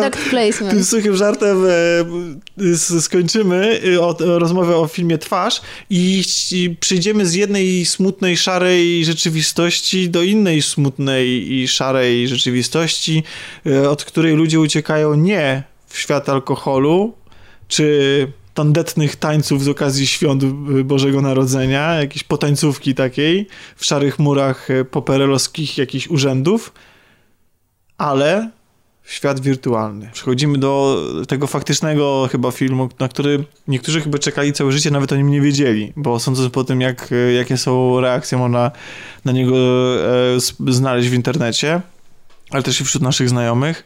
Filmu, który z kolei jest też kontrowersyjny w opinii i mam nadzieję, że my tutaj sobie o tym pogadamy. Filmu, który powstał na podstawie książki, bo od niej sobie zaczniemy, a mowa oczywiście... I chyba najbardziej kontrowersyjny jest z opinii fanów książki. Tak myślę też, bo bardzo od książki odchodzi, ale to też tak? za chwilę. Okej, okay. czy pytanie, czy książka jest y, takim wybitnym dziełem, którego się znaczy trzeba nie, trzymać pod, pod będzie, będę chciała o tym powiedzieć, Dobrze. bo są niektóre zmiany, które bardzo mi się podobały i bardzo uf, ufilmowiły tę historię. Okay. Ale nie wszystko, co zostało usunięte, zasługiwało na usunięcie, więc y, tutaj Rozumiem. dyskutujemy jeszcze o tym. Mowa w, o filmie Ready Player One? No właśnie Player One. Player One. Nie, Ready Player One. Film. Nie? Tak? Po polsku się nazywa Player One. No, naprawdę? Film się nazywa Player One. Faktycznie on się nazywa Player One. Nie wiem, czy on na początku, bo w trailerach był podpisany, jak, był podpisany jako Ready Player One. I stąd mogło e, Ale teraz już na Filmwebie, jak patrzę, Wikipedia... Mm, ale numer, ja... Ale to jest... Nie, oryginalny tytuł no. na Wikipedii e, oryginalnej po angielsku jest Ready Player One. No właśnie. Ale polski tytuł to Player One. Zobacz Tomek. Nie, Player ja One, Ready Player One. Ale to nie rozumiem w takim razie tej decyzji. Czy książka była zatytułowana też Player One w Polsce? E, tak, teraz spojrzałam na Lubimy Czytać i książka była zatytułowana Player One. Więc po prostu chodziło chyba o spójność z książką, ale dlaczego tak został przetłumaczony tytuł książki? Znaczy, bo to nie jest przetłumaczone, po prostu no, zostało ucię ucięte. ucięte jedno A to, to jest w ogóle dziwne, bo zwykle dodajemy, nie? W Polsce po kropce jakieś dodatkowe... Tak jak ja to nie. Tak. Player One czy Ready Player One, mowa o tym samym. 7,5 na... Na filmowy 7,5 na 10. Właśnie, słuchajcie, najpierw zajmijmy się książką. Jest to książka dosyć specyficzna, bo ja jej nie czytałem, ale wy... No to my może powiemy. Tak, ja wiem, ale chcę, chcę, chcę tylko wprowadzić, że tak? ona jest specyficzna, w ogóle cała, ca, ca, ca, cała ta marka jest dosyć specyficzna, bo bierze sobie za temat y, geeków, nerdów, kulturę, popkulturę, to czym my też żyjemy trochę na co dzień i próbuję zagrać na nostalgii. Autor na pewno napisał ją z sentymentu.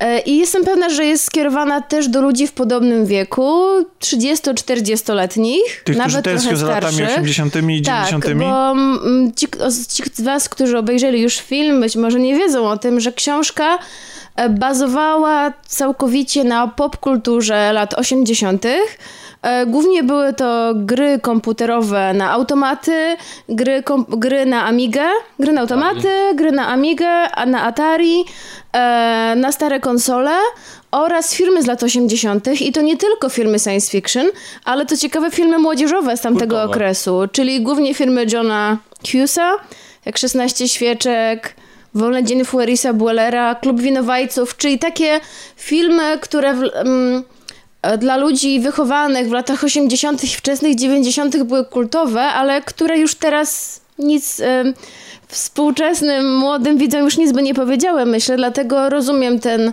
um, ruch twórców filmu, żeby go uspółcześnić go, tak, ale jeśli chodzi o książkę... Ale w jakim aspekcie, że go uspółcześnić? No nie ma tych motywów, znaczy motywy lat, lat 80 są, e, pojawiają nie, się no jest, tylko, jest, jest bardzo, utrzymane bardzo jest w muzyce, no mhm. ale w książce jest ich dużo więcej, Rozumiem. ponieważ...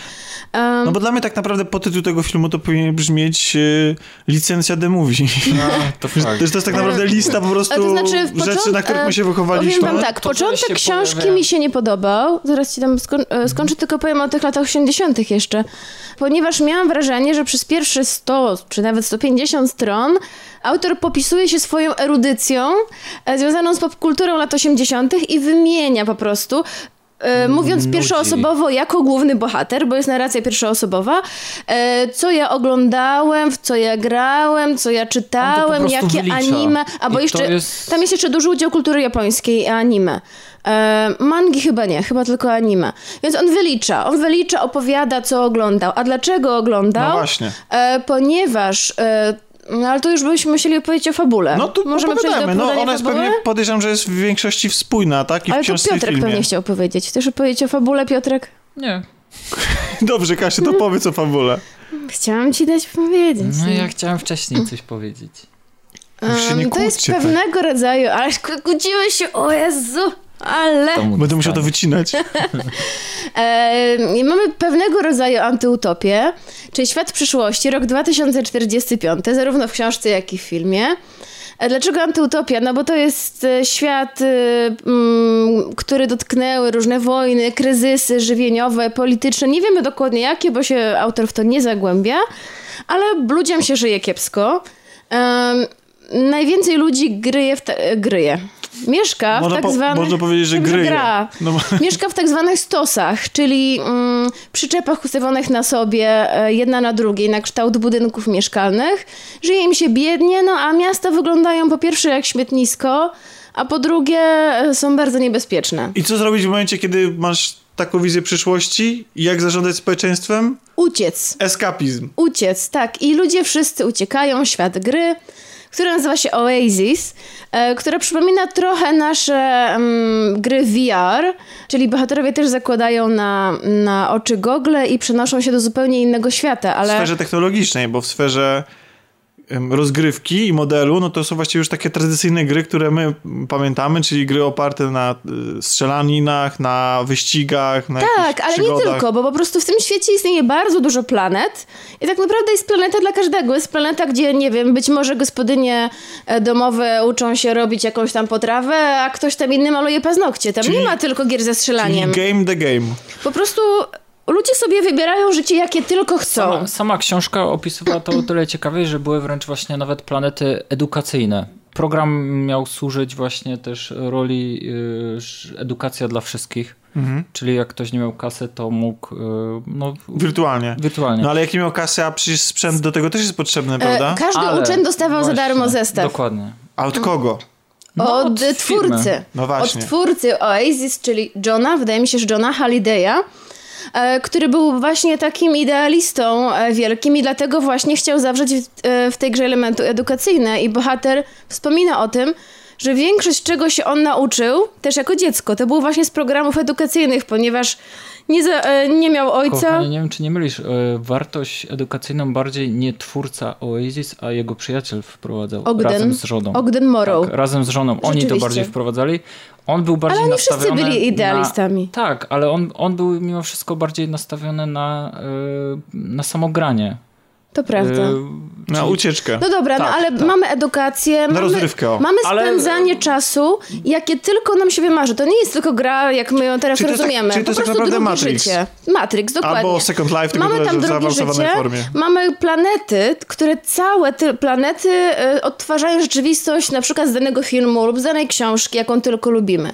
Ale czemu lata 80.? Bo to, ukocha... no to był chyba wiek, kiedy dorastał właśnie twórca samego programu i on I próbował... tak samo autor naszej książki I i w tych inspiro... samych inspiro... Co... Te lata go inspirowały do tego, co stworzył. Ale też jest bardzo ważne, bo w momencie, kiedy zaczyna się książka, czy film się zaczyna w tym momencie, pewnie książka Tak, też, tak. y, twórca gry, czy, g- czy w Ale zanim powiesz, co się z nim stało, poczekaj. Mhm. Wiem, co chcesz powiedzieć. E, Nie Nie, no to trzeba, bo to jest punkt wyjścia do tej historii. tak, ale zanim jeszcze e, o tym Oasis jeszcze, jeszcze chciałam powiedzieć, że jakby stało się to drugim życiem nie tylko młodzieży, bo tak jest teraz postrzegane są gry dzisiaj, jako coś dla młodzieży. Wszystkich, wszystkich mieszkańców, czyli grają w to babcie, dziadkowie, rodzice, dzieci, po prostu wszyscy. Jest to świat, w którym każdy znajdzie coś dla siebie e, i każdy zakłada okulary i przepada. I nie ma go w normalnym świecie, Ja, to jest świat, wizja tego świata dla mnie to jest... em, to jest takie, ja pamiętacie, jak, jak opowiadałem o książce Wojny konsolowe i że to opisany tam świat jest właśnie spełnieniem takich trochę marzeń mokrych e, każdego gracza wideo, w gry wideo i każdego nerda czy geeka, że to jest jakiś świat, w którym gry wideo są na pierwszym miejscu i popkultura i w ogóle to, co się dzieje w tej sferze, która nas jara, bawi, która, w której się oddajemy, że to się nagle staje ważniejsze od wszystkiego. I, i dla mnie punkt wyjścia, znaczy opis tego świata i w ogóle jakby osadzenie to w takim, a nie innym settingu, zarówno w książce, jak i w filmie, służy tylko i wyłącznie temu, żeby taki mokry sen uruchomić, żeby stworzyć na ekranie czy na, na kartach znaczy, powieści świat, w którym gra staje się tak ważna, bo ona jest tutaj ważnym czynnikiem ekonomicznym, bo ci ludzie tam zarabiają pieniądze w tej grze i potrafią właśnie, przetrwać, właśnie że ona dominuje w, znaczy, na, na, ekranie, bo ja książki ale nie jednak czytałem. To jest ale... Właśnie, jednak to jest antyutopia, więc to nie jest dobra film... wizja. Ludzie nie żyją, ludzie uciekają, siedzą w no, fotelach i a w książce nie tak... prowadzą żadnego życia. Nie jestem pewien, czy książka tak, jest jeszcze gorzej czy film, czy film właśnie to pokazuje, ale książka wydaje mi się właśnie... Właśnie, czy w książce jest to ten problem poruszany eskapizmu? Się, wydaje mi się, że stara jest się... Jest bardzo. Że, że oni dlatego starają się uciec, bo tam generalnie przeniosło się jakby życie. Tam y, korporacje mają swoje firmy wręcz, prowadzą No czyli to jest taki internet, tak? Wre... Nawet chyba coś troszkę więcej. Bardziej bo... Matrix, tak jak powiedzieliśmy. Albo nie wiem, czy kojarzycie taki fenomen sprzed kilku Co prawda, lat. Second Life. Second Life, no mm, właśnie, coś jak Second Life, który jednak został doprowadzony do doskonałości. Taki Second Life doskonały. I nie wiem, czy też właśnie film to pokazuje, ale właśnie w książce to był priorytet nie tylko to, że wybierasz sobie świat, który ci najbardziej odpowiada, ale budujesz swój awatar na podobieństwo, jakie ci się podoba kim chcesz być. Czyli możesz być prawdziwie jeszcze, wolny właśnie e, w Oasis. Nie tak, jest to powiedziane Od postaci animowanej po jakąś mroczną bestię. Nie jest to powiedziane w filmie, że w książce jest to powiedziane, że ludzie tam w ogóle nie podróżują. Nie ma to najmniejszego sensu, ponieważ podróżować mogą w grze. W związku z tym w pewnym momencie główny bohater kupuje sobie mieszkanie. Aha, ponieważ ludzie nie podróżują, to hotele w ogóle nie mają sensu bycia, więc hotele zamieniono na e, bloki i każdy pokój hotelowy stał się mieszkaniem do kupna lub wynajęcia. I bohater sobie właśnie wynajmuje taki pokój hotelowy, e, instaluje super nowoczesne zabezpieczenia. E, to dlaczego mm, boi się i, i te zabezpieczenia to powiemy. I on w ogóle nie wychodzi z pokoju. On e, kupuje sobie też super nowoczesny fotel, kombinezon, cały sprzęt do jak najlepszego wczucia się w grę.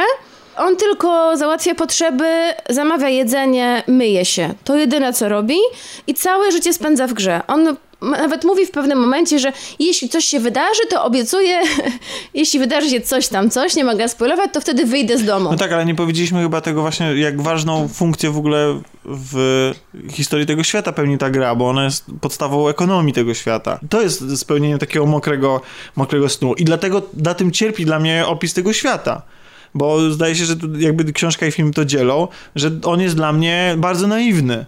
Taki skrajnie naiwny. Rozumiem ideę y, równoległego świata wirtualnego, w którym my już żyjemy przecież. I podejrzewam, że ekonomia y, coraz częściej zależy, chociaż mamy wirtualne bitcoiny, tak. mamy, podejrzewam, że, że wiele firm funkcjonuje tylko i wyłącznie dzięki wirtualnym bytom w internecie. Znaczy tak jest, tak? prostu... A zresztą nawet ci pracownicy internetowi, którzy dla wielkich korporacji tam próbują odspłacać odsetki, pracując właśnie, grając w grę, czyli robiąc coś w tym świecie, to w sumie nie wiem na ile to jest prawda, ale słyszałem, że w, w azjatyckich... Że więźniowie, e, tak, więźniowie grają w gry. Że, tak, i w Warcraftie farmią. Zwłaszcza tak. te MMO, nie tylko właśnie, większość te, tam gier właśnie są... Tak, też inne? Azjatyckich. Tak. No te azjatyckie są no, głównie Diablo to w sumie właśnie jak było to przez jakiś czas e, udostępniono ten tak zwany rynek, gdzie można było zarabiać, to generalnie no, rozwalili właśnie Azjaci. No dobra, ale no, wracając jest, do gry... Wiesz, jest, tak, tylko że to nadal jakby to, to jest dla mnie, filmu? tylko to, no wiadomo, to jest film, to jest jakaś utopia, antyutopia, no to jest, chodzi o to, żeby to pokazać e, bardziej metaforycznie, czyli podnosimy to i nad, nadmuchujemy i jest to bardziej wyraziste. Tylko no, tam mam wrażenie, że w tym świecie nic innego się nie dzieje. Kompletnie nic innego znaczy, się nie dzieje. w książce to też nie, nie jest żadnych, bardzo uwypuklone. Nie ma żadnych władz. Policja pojawia się w filmie dosłownie na sekundę. Um, korporacje, okej, okay, to jest jakiś pewien taki, wiecie, wizja przyszłości cyberpunku, gdzie korporacje mogą robić co chcą, ale nadal mamy poczucie, jednak te korporacje boją się policji, boją się władz, ale mimo tego robią co chcą. To jest dla mnie takie, ten świat przedstawiony jest dla mnie taki. Naiwnie. Naiwny. Jest e, powiedziane, że osoby, które mają fundusze takie realne w realnym świecie, no tak jak u nas w, w grach, e, można kupić sobie jakiś tam pakiet startowy. I nie jest to pokazane dobrze, w, znaczy trochę jest pokazane, ale wciąż to jest dobitnie i wytłumaczone, że główny bohater jest bardzo, bardzo biedny. E, I on tam jest na początku na jakimś drugim levelu i tam musi jeździć po jakichś planetach i tak Zabijać mówi się farmić, Tak tak? zwany farmić, czyli... Farmić, czyli zabijać słabe uszy. Wytłumaczmy tym, E, którzy nie grają, czyli poświęcać bardzo dużo czasu na pokonywanie Tak. bardzo słabych wrogów. I bardzo za długo czasu. nagrody. Tak, bardzo dużo czasu zajmuje mu wchodzenie na, na wysokie levele, podczas gdy jego najlepszy kumpel ma te pieniądze i ma dużo wyższy poziom, ponieważ mógł sobie e, kupić sprzęt, e, mógł sobie wyruszyć na rajdy, na jakieś tam planety, gdzie zdobędzie droższe przedmioty i to potem się przekłada też na dobrobyt Właśnie, w bo świecie realnym. podróżowanie po tym świecie kosztuje realno, realne pieniądze. Po świecie gry. Przynajmniej e, tak to było w książce przedstawione. Tak, że bo można- Tutaj raczej w filmie tego nie było. E, To znaczy w odczuć. książce było tak, że można się, e, można kupić paliwo i poruszać się swoim statkiem Mhm. lub samochodem lub czymkolwiek chcemy, lub można się teleportować. To jest takie na skróty dla bogatych i te teleporty są bardzo, bardzo drogie. Wiecie, to jest z jednej strony powiedziałem, że to jest naiwne, a z drugiej strony potrafię sobie wyobrazić, że wielkie korporacje, nawet do spółki z rządem,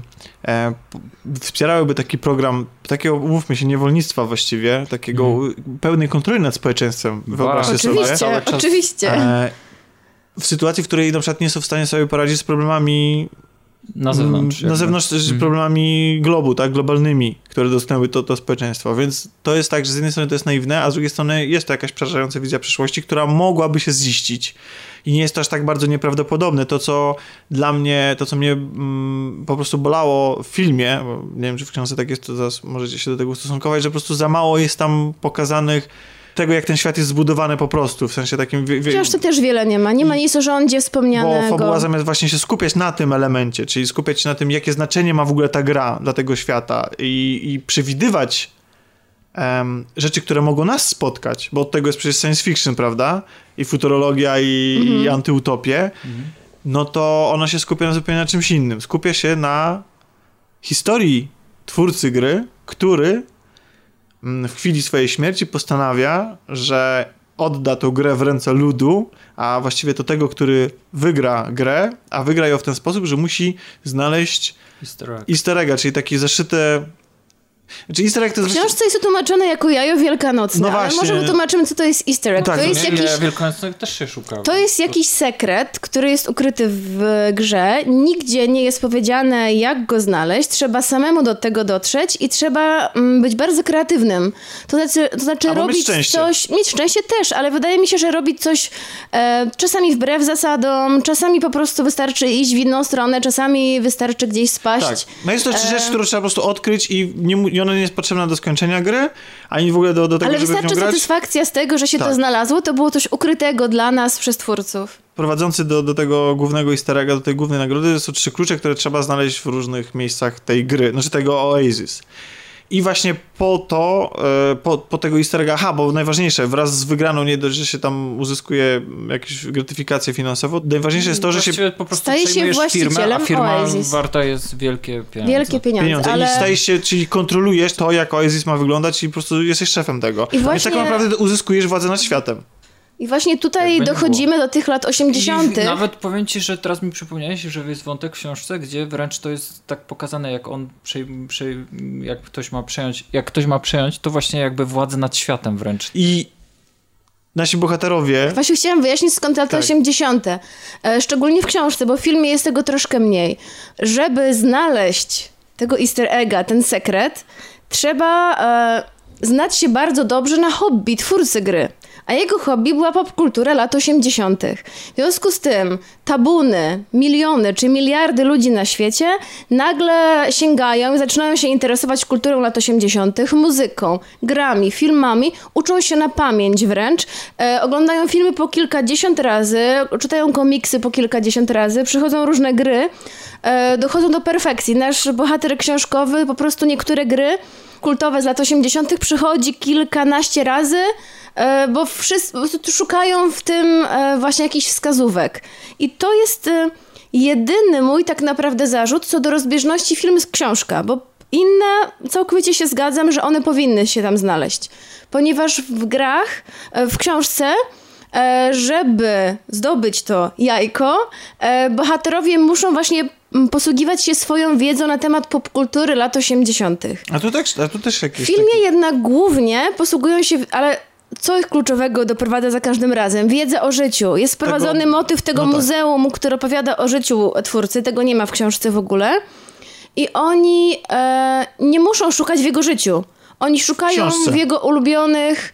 Oni szukają w jego ulubionych dziełach. Ale mówisz o czym teraz, że gdzie nie szukają? W książce, przepraszam, książce. źle powiedziałam. Ale to dla mnie na przykład w filmie to wybrzmiewa fajniej, bo dlatego, że za tym się prosty, ale Znaczy jednak morał. kryje się tak. morał. Właśnie chciałam że powiedzieć, jakby że to prowadzi do morału, więc ja rozumiem Wielu nawet ten morałów, wybór. tak? Jakichś takich praw życiowych. Ale właśnie to jest to, co najbardziej e, chwyta w książce, właśnie to, że pierwsza zagadka zostaje rozwiązana tak, że bohaterowie, czy bohater musi wcielić się w film, w ulubiony film twórcy gry, czyli Gry Wojenne z młodym Matthew To Brodrickiem. druga zagadka. Druga zagadka? Nie, to Tak, pierwsza brama. zagadka, może- a potem brama. A, pierwsza, przepraszam, to Dungeons and Dragons, które Tak, też z filmu zostały usunięte. Czyli e, odkrywa motyw z gry RPG papierowej Dungeons and Dragons. Okazuje się on być kluczem.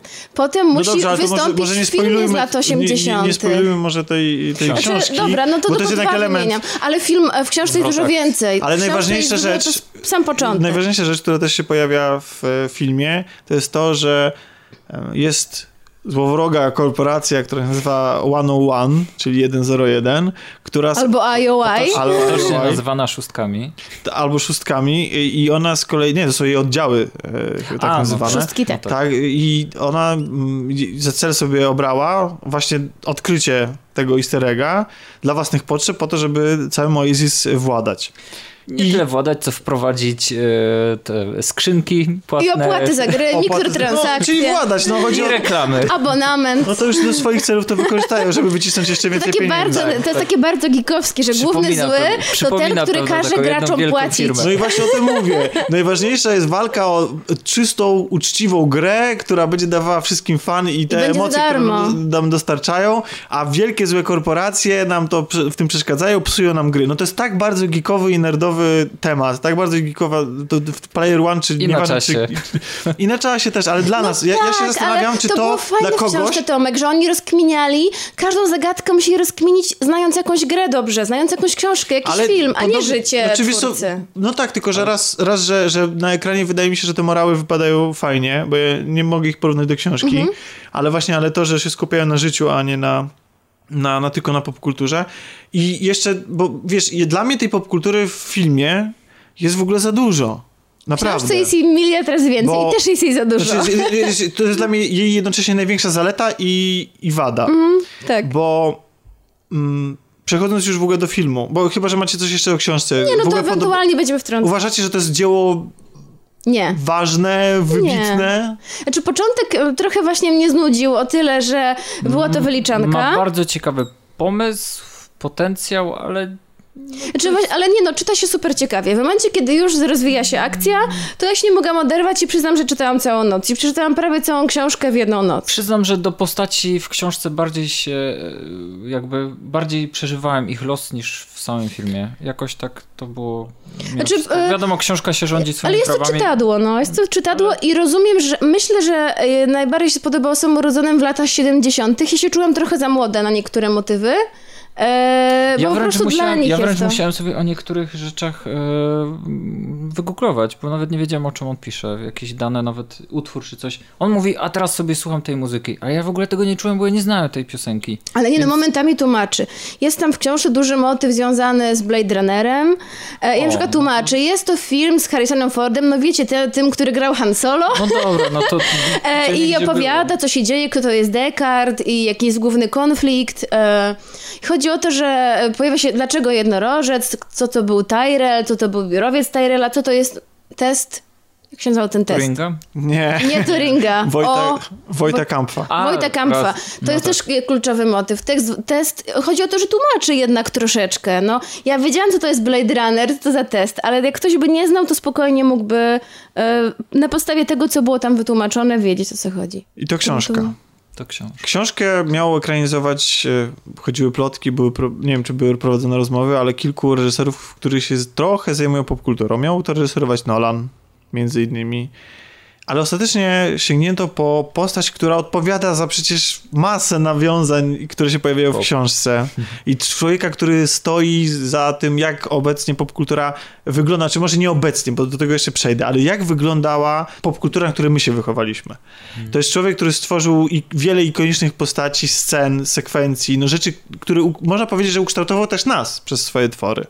Jakby nie było. Bo Spielberg. Tak. Ja przyznam się szczerze, nie, za- będąc e, niezachwyconym odbiorcą jego ostatnich dzieł i nawet z ostatniego Czwarta Władza zrezygnowałem w ogóle z oglądania, bo, no bo A ja myślę, że żałuję, bo akurat czwarta wodza mi się podobała. Tylko to rozumiem, jest, wiadomo, ale ja mam, kwestia no, gustu. po prostu, jak stwierdziłem, że jak tam się pojawi gdzieś na VOD, to sobie Mm. obejrzę, ale generalnie to nie mam e, jakiegoś Parcia. na tego parcia na, na Spielberga, mimo wielkiego szacunku do rzeczy, które zrobił wcześniej. I Jedno mogę zdanie? Tak, E, Spielberg, po, zdanie Spielberga, nazwisko Spielberga pojawia się w książce.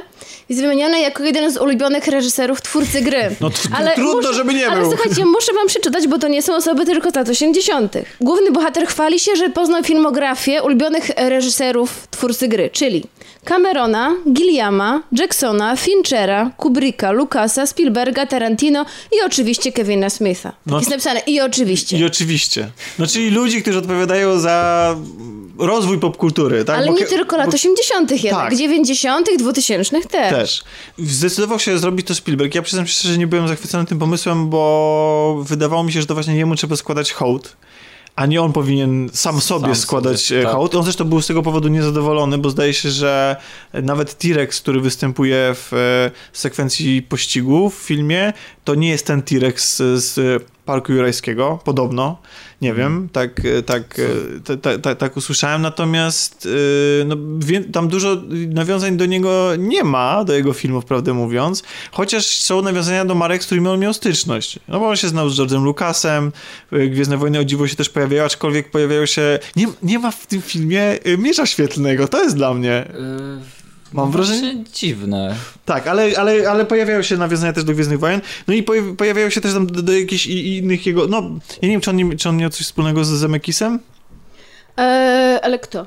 No, Spielberg. Ja podejrzewam, że... ci- Spielberg tak. miał, oczywiście. Mm, Nawiąza- pojawia się... Ale w filmie się pojawiają tak. nawiązania do Zemekisa, jest tam planeta Zemekisa w ogóle. Przede wszystkim on miał bardzo bliskie relacje z Kubrickiem, zresztą którego film dokończył po śmierci Kubricka, czyli AI, sztuczna inteligencja, który moim zdaniem po prostu zmasakrował ten film. To, to, co, to co Kubrick y, chciał zrobić z tego sztukę, on po prostu przerobił na, na, na jak, to, jak to Spielberg na żywną bajeczkę e, niemalże i familijną, i, i, ale jednak, jednak y, był bardzo blisko y, i chyba wydaje mi się, że dlatego się też w filmie znalazła, pojawiło się nawiązanie do Lśnienia.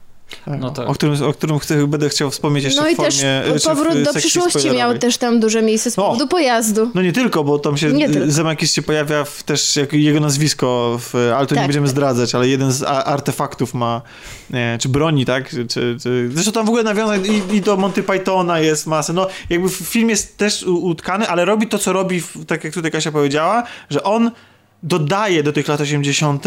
wszystko to, co się wydarzyło po drodze do 2018 roku, czyli mamy lata 90., 2000 i dodaje do tego też bardzo dużo elementów z gier, E, bo chyba mam wrażenie, że w ogóle gry tutaj bardzo dominują, chociaż na ekranie się pojawia tyle rzeczy, tak dużo mamy tych, tych To trzeba by odwołań. obejrzeć w, w domu, robić co chwilę stop klatkę Tak. i notować, bo podejrzewam, że e, tych e, mrugnięć okiem i tych nawiązań dostrzegliśmy pewnie jedną setną. Jak, je, jakie was, były wasze ulubione? Pomijając lśnienie. Pomijając lśnienie. Kurczę, właśnie powiem ci, że ciężko. Nie, nie, nie mogę stwierdzić. Sam, sama sekwencja w ogóle tego pierwszego wyścigu. Podobało ci się? Ale pamiętam, że na to, jak że wróciłam było- z kina i powiedziałam ci, że wiesz, nie ma początku tak jak w książce, że bohater nie trafia tam przez nawiązanie do gry RPG, tylko pojawia się wyścig. Powiedziałaś, co? Wyścig? Nie Stwierdziłem, że, że tak, na początku jako e, ktoś, kto przeczytał książkę, och, zmienił, ktoś śmiał zmienić taką świetną książkę, taki świetny element e, z książki.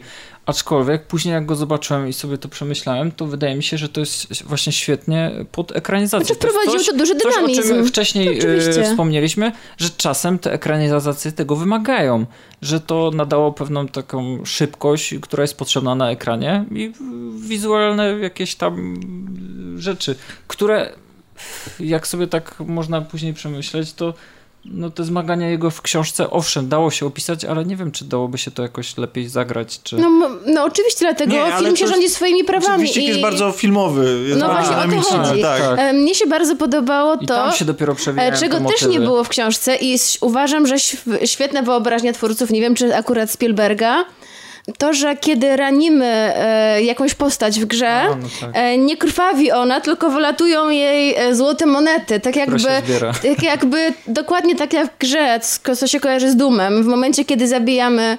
Z którym dumem, że Nie, pieniądze? Dum, oni tam amunicję gubią? No raczej. Amunicję. No dobra, ale chodziło Ale mi, że nie- coś tam Że jednak... lód. Chodzi o to, że zbierasz lód Tak. po kimś, Tak, tak? tak. E, To Czyli jest zbierasz tak jakby jego, część grę. jego... Ale zbierasz po nim lód nie tylko jak umrze, w ogóle nawet jak się mu utnie rękę, to już on zaczyna krwawić tymi monetami No swoimi. bo tak, bo to jest taka metaf- znaczy symbol tego, że uciekają mu te pieniądze, E, no które więc, wydał na postać, e, tak? To moim zdaniem świetny pomysł, bardzo właśnie taki obrazowy i, i bardzo mnie to urzekło. Ja byłem... W tym filmie się pojawia masa nawiązań do Mortal Kombat, jeden z moich ulubionych marek. A, no, oczywiście. Jak, się, jak zobaczyłem na ekranie I Goro... do Aliena. Jednocześnie z Mortal Kombatem Tak, jest Alien. Jest Alien. Jak, jak zobaczyłem nawiązanie, jak zobaczyłem Goro na ekranie, to po prostu, i to jeszcze w naprawdę sporej roli, no to jest, y, to była dla mnie, ta, to był ten moment, kiedy ja niemalże wykrzyk- krzyczałem serce do ekranu. zabiło emocniej. Znaczy, znaczy, tam serce bije co 5 sekund. Każdy, co, co, tam, tam, y, bo y, się spieraliśmy, że że nie było nawiązania do, do Blade Runnera e, na czacie, ale było nawiązanie do Blade Runnera. No mniejsze pewnie. Tak, delikatne. Ja, ja później powiem wcześniej, w sekcji spoilerowej o tym. No, no więc było skromniejsze, ale już sam fakt, że w taki sposób to zrobiono i w tym momencie akurat z rozmysłem, to było dla mnie bardzo, bardzo fajne. I to się po prostu ogląda, ten film, jak taki katalog, wiecie, gadżetów gigowskich. Jak wchodzisz na jakąś stronę, albo jak, jak, inaczej jeszcze, jak jak, jak, jak, jak takie katalogi Lego z lat y, 90., gdzie wiecie, gdzie nawet, nawet was y, nie stać było, y, czy tam rodziców na to, żeby, żeby mieć te wszystkie, ale oglądałeś te katalogi z takim, o Jezu, jakie to jest super, o, o, z takim, co, co stronę odkrywałeś coś nowego, fajnego, to bym chciał, to bym chciał, to teraz, to, to jest trochę taką w odwrotną stronę, że oglądasz ten katalog, to miałem, to miałem, to miałem, to miałem, to miałem, nie? Bierzesz ten stary katalog Lego Zwłaszcza rozpoznajesz to, to po prostu wpadasz w euforię, że a, kojarzę, kojarzę, tutaj No tak, ale szczególnie pod koniec filmu, jak już są sekwencje finałowe, kiedy tych postaci robi się ogromne, na, e, wielkie nagromadzenie. Bitwa wielka. E, no właśnie mamy wielką bitwę, to nie, po prostu nie wiedziałam na co patrzeć i naprawdę muszę jeszcze raz e, Ale i tak- sobie obejrzeć. Ale i tak na pierwszym planie były też kolejne, kolejne licencje wskakiwały. Dla mnie to Tak, było takie tak. ko- kolejne, pod... ja sobie tak wyobrażam, że tutaj wskakuje, żeby nie spoilując za bardzo, ale wskakuje załóżmy, był X-Wing, nie? Tak. E, czy, Minecraft, nawet logo było czy, ogromne. czy, czy, czy Logo, świat był pokazany z Minecraft. Borderlandsy. Oj, Borderlandsy A, to- były, Overwatch, Tak. Halo. O, Halo to w ogóle bardzo dużo było, bo nawet e, się pojawił... e, Ja nie grałam, ale chodzi o to, że to jest jakby tak w mojej e, świadomości, e, tak łatwo rozpoznać elementy tej gry, że od razu o, to, o, to. Wo- Dokładnie. samych. Stalowy Broń, gigant tak? się pojawia. Nie, To chyba nie jest spoiler. Czy Nie, pojawia nie, się no, on się motyw pojawia, taki? E, To już nie są lata 80., prawda? No więc Tak, to już ale, jest ale, jak się, też. ale jak się, jak się pojawia e, stalowy gigant i, i, i skupiasz się na, przez chwilę na tym i to ja po prostu ja widziałem jak tam ja, ja nie widziałem nawet już, już tym, znaczy widziałem moją ukochaną markę, ale już sobie w, jakby w takiej podświadomości gdzieś tam sobie jeszcze projektowałem te wszystkie posiedzenia, narady i podpisywanie tych umów i, i, i dyskutowanie, czy, czy dorzucamy tą swoją licencję, czy nie i w jakiej formie i co się ma pojawić i tak dalej. No bo to jest jednak bardzo, mimo popku- Jak to- popkultura jak też się to bardzo mocno wyglądało? wiąże z samą komercjalizacją jej, Jak nie? to właśnie powinno wyglądać? E, płacili ci, co kręcili, czy ci, co chcieli, żeby Nie mam pojęcia. było Chciałbym, chciałbym, żeby kiedyś powstał dokument o tym, w jaki sposób to, to było realizowane. Bo wiecie, to o, o, ile, o ile wymienienie jakiejś marki w książce podejrzewam, że nie kosztuje nic i nie trzeba się ten, no to y, użycie Filmie? tak, prawa do muzyki, czy do, y, do dźwięków, czy do obrazu, czy do postaci i tak dalej, no to podejrzewam, że tam naprawdę Ch- Chyba, że. Prawnicy Że tam byli- prawnicy e, byli- mówili, jak ta postać musi troszkę Eldorado. się różnić, żeby, Tak. żeby nie były jakieś. Nie, ja myślę, że on się nie różni, to, bo to są świadome zabiegi, decyzje. Na przykład bardzo dużo było marek Microsoftu. Ale wspomniałeś, że e, T-Rex się różnił. to, nie ja tak słyszałem, ale, ale, ale bo to, ja, wydaje mi się, że to było w, y, pod Mówimy o tym przy wyścigu. Tak, tak. bo Wydaje mi się, że ja to słyszałem w podcaście poświęconym temu filmowi, e, podcaście e, Game Informer Show. Nie chcę, nie, chcę, nie chcę kłamać, ale wydaje mi się, że tam było. Pod tym względem, pod względem dostarczenia fanserwisu, pod względem zaspokojenia naszych, no, naszej nostalgii, to ten film zdaje egzamin na szóstkę z plusem. To jest aż za bardzo, ja powiedziałem, że tam jest za dużo tego. Aż za bo, dużo, Bo tak. ja na przykład nie mam ochoty go oglądać drugi raz. Ale ja, ja po prostu bym na przyspieszeniu obejrzała No, w domu, e, szukając scen właśnie, e, i jakie były nawiązania, no tylko taką właśnie, zabawę sobie tylko zrobić. jest pytanie, czy poza tym katalogiem marek i poza tymi wszystkimi licencjami, poza, bo oczywiście dla tych gości w garniturach to są licencje, jak, jak dla tej korporacji e, w... e, Jak tej filmowej korporacji tak, właśnie. E, IOI, przepraszam. To są pieniądze, ale dla nas, czy dla graczy w, w świecie Oasis, w świecie Player One, no są emocje przede wszystkim. To są jakieś związane z nimi, e, z, z nimi są ich doświadczenia życiowe i dla nas też. To znaczy nie powiedzieliśmy jeszcze, że no tam oprócz tego, że są te, migają nam te wszystkie fajne dla nas symbole, e, to jakaś fabuła jednak No jest. właśnie, pytanie, czy E, i, poza tymi e, symbolami coś jeszcze jest? Oczywiście bohaterowie, główny bohater, tak jak wszyscy inni na, na Ziemi, próbuje odnaleźć ten sekret. Po drodze poznaje innych ludzi, poznaje także dziewczynę, tu się pojawia wątek romansowy. No więc coś tam się, coś tam się dzieje. To nie jest tak, Tak, no że bo oni, nic w genera- ogóle bo oni generalnie próbuje, ponieważ próbuje zdobyć ten easter egg i zwraca na siebie uwagę oczywiście tej złej korporacji. Nie tylko, całego świata, Całego bo świata. podobno wszyscy patrzą na tablicę, no bo Tak. przecież tablica z wynikami. A to jest, to jest akurat właśnie faj, fajny motyw, bo generalnie choćby teraz jak się obserwuje jakichś najlepszych graczy, to się im- mają swoich grupę fanów, którzy obserwują ich streamy, czy właśnie... Nie, no jasne, tak. A tam mamy cały świat. To mamy cały świat, ale najważniejsze, że obserwuje ich ta zła korporacja, no, która chce po prostu odebrać e, klucze i, i wyprzedzić w tym wyścigu po easter egga mm, naszego głównego bohatera i jego drużynę, bo jak wiadomo, każda podróż wymaga zebrania drużyny najpierw i nasz bohater nie będzie działał sam, jak już wspomniała tutaj Kasia ma swojego najlepszego przyjaciela. To jest kolejna duża różnica od książki. O, tak? Bo Tak. w książce e, oni naprawdę od samego początku do praktycznie samego końca byli z sobą otwarci i mówili słuchajcie, to jest gra o wielką stawkę, jesteś, działamy sami. Oni ze sobą rywalizowali, nie Bardzo współdziałali. rywalizowali. O, proszę. Tak, Znaczy, tak. e, po, zachowywali się wielokrotnie honorowo. Honoro, dokładnie. E, nie, nie podkładali sobie świń, czasami nawet sobie delikatnie pomagali. Coś za Rzucając coś. jakieś wskazówki, Jakieś wskazówki delikatne, ale oni e, rywalizowali. Bo to ma być, bo to działanie z- w drużynie ma być jednym z morałów tego filmu. No tak. No bo z takich prostych morałów, bo tak naprawdę no, to, Współpracować trzeba. Tak, no bo tak, bo tak naprawdę to jest po prostu taka, no...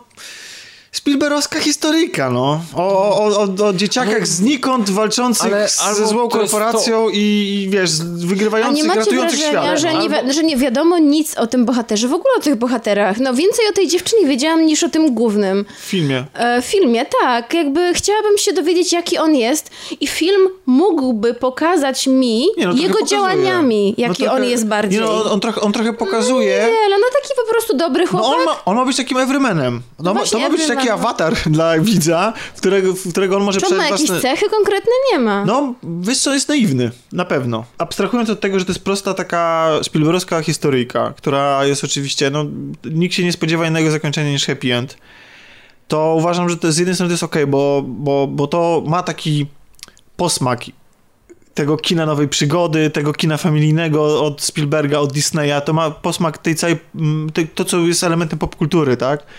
I, I to jest fajne, wrócić do, takiego, do takiej historii, ale z drugiej strony to jest też temat, który by się chciało, tak jak w przypadku w ogóle samego określenia tego świata, żeby on był jednak potraktowany trochę poważniej, żeby ten film czymś zaskoczył, żeby ta historia była może w jakiś sposób wywrotowa, żeby ona nawet, bo wiecie, tam, tam, jest, tam jest schemat, to też nie jest żaden spoiler, do tego się po prostu możecie spodziewać, się na to przygotujcie. To jest klasyczna przyg- przygoda, gdzie chłopak wygrywa, e, ratuje świat i wygrywa księżniczkę. Nawet chociażby zagranie tym elementem, to by było ciekawe. Zwłaszcza, że robi to Spielberg. Człowiek, który odpowiada za te schematy. Gdyby on nie podszedł do tego na kolanach, tak jak twórca książki, w ogóle cały ten temat jest taki właśnie nabożny w stosunku do całej tak, tej tak. popkultury, tylko spróbował ją wykorzystać w bardzo... W, w, w Bardziej spo- przewrotny sposób. Przewrotnie. Mhm. Albo też, bo też też dla mnie problem tego filmu, że ja nie wiem do kogo on ma trafić.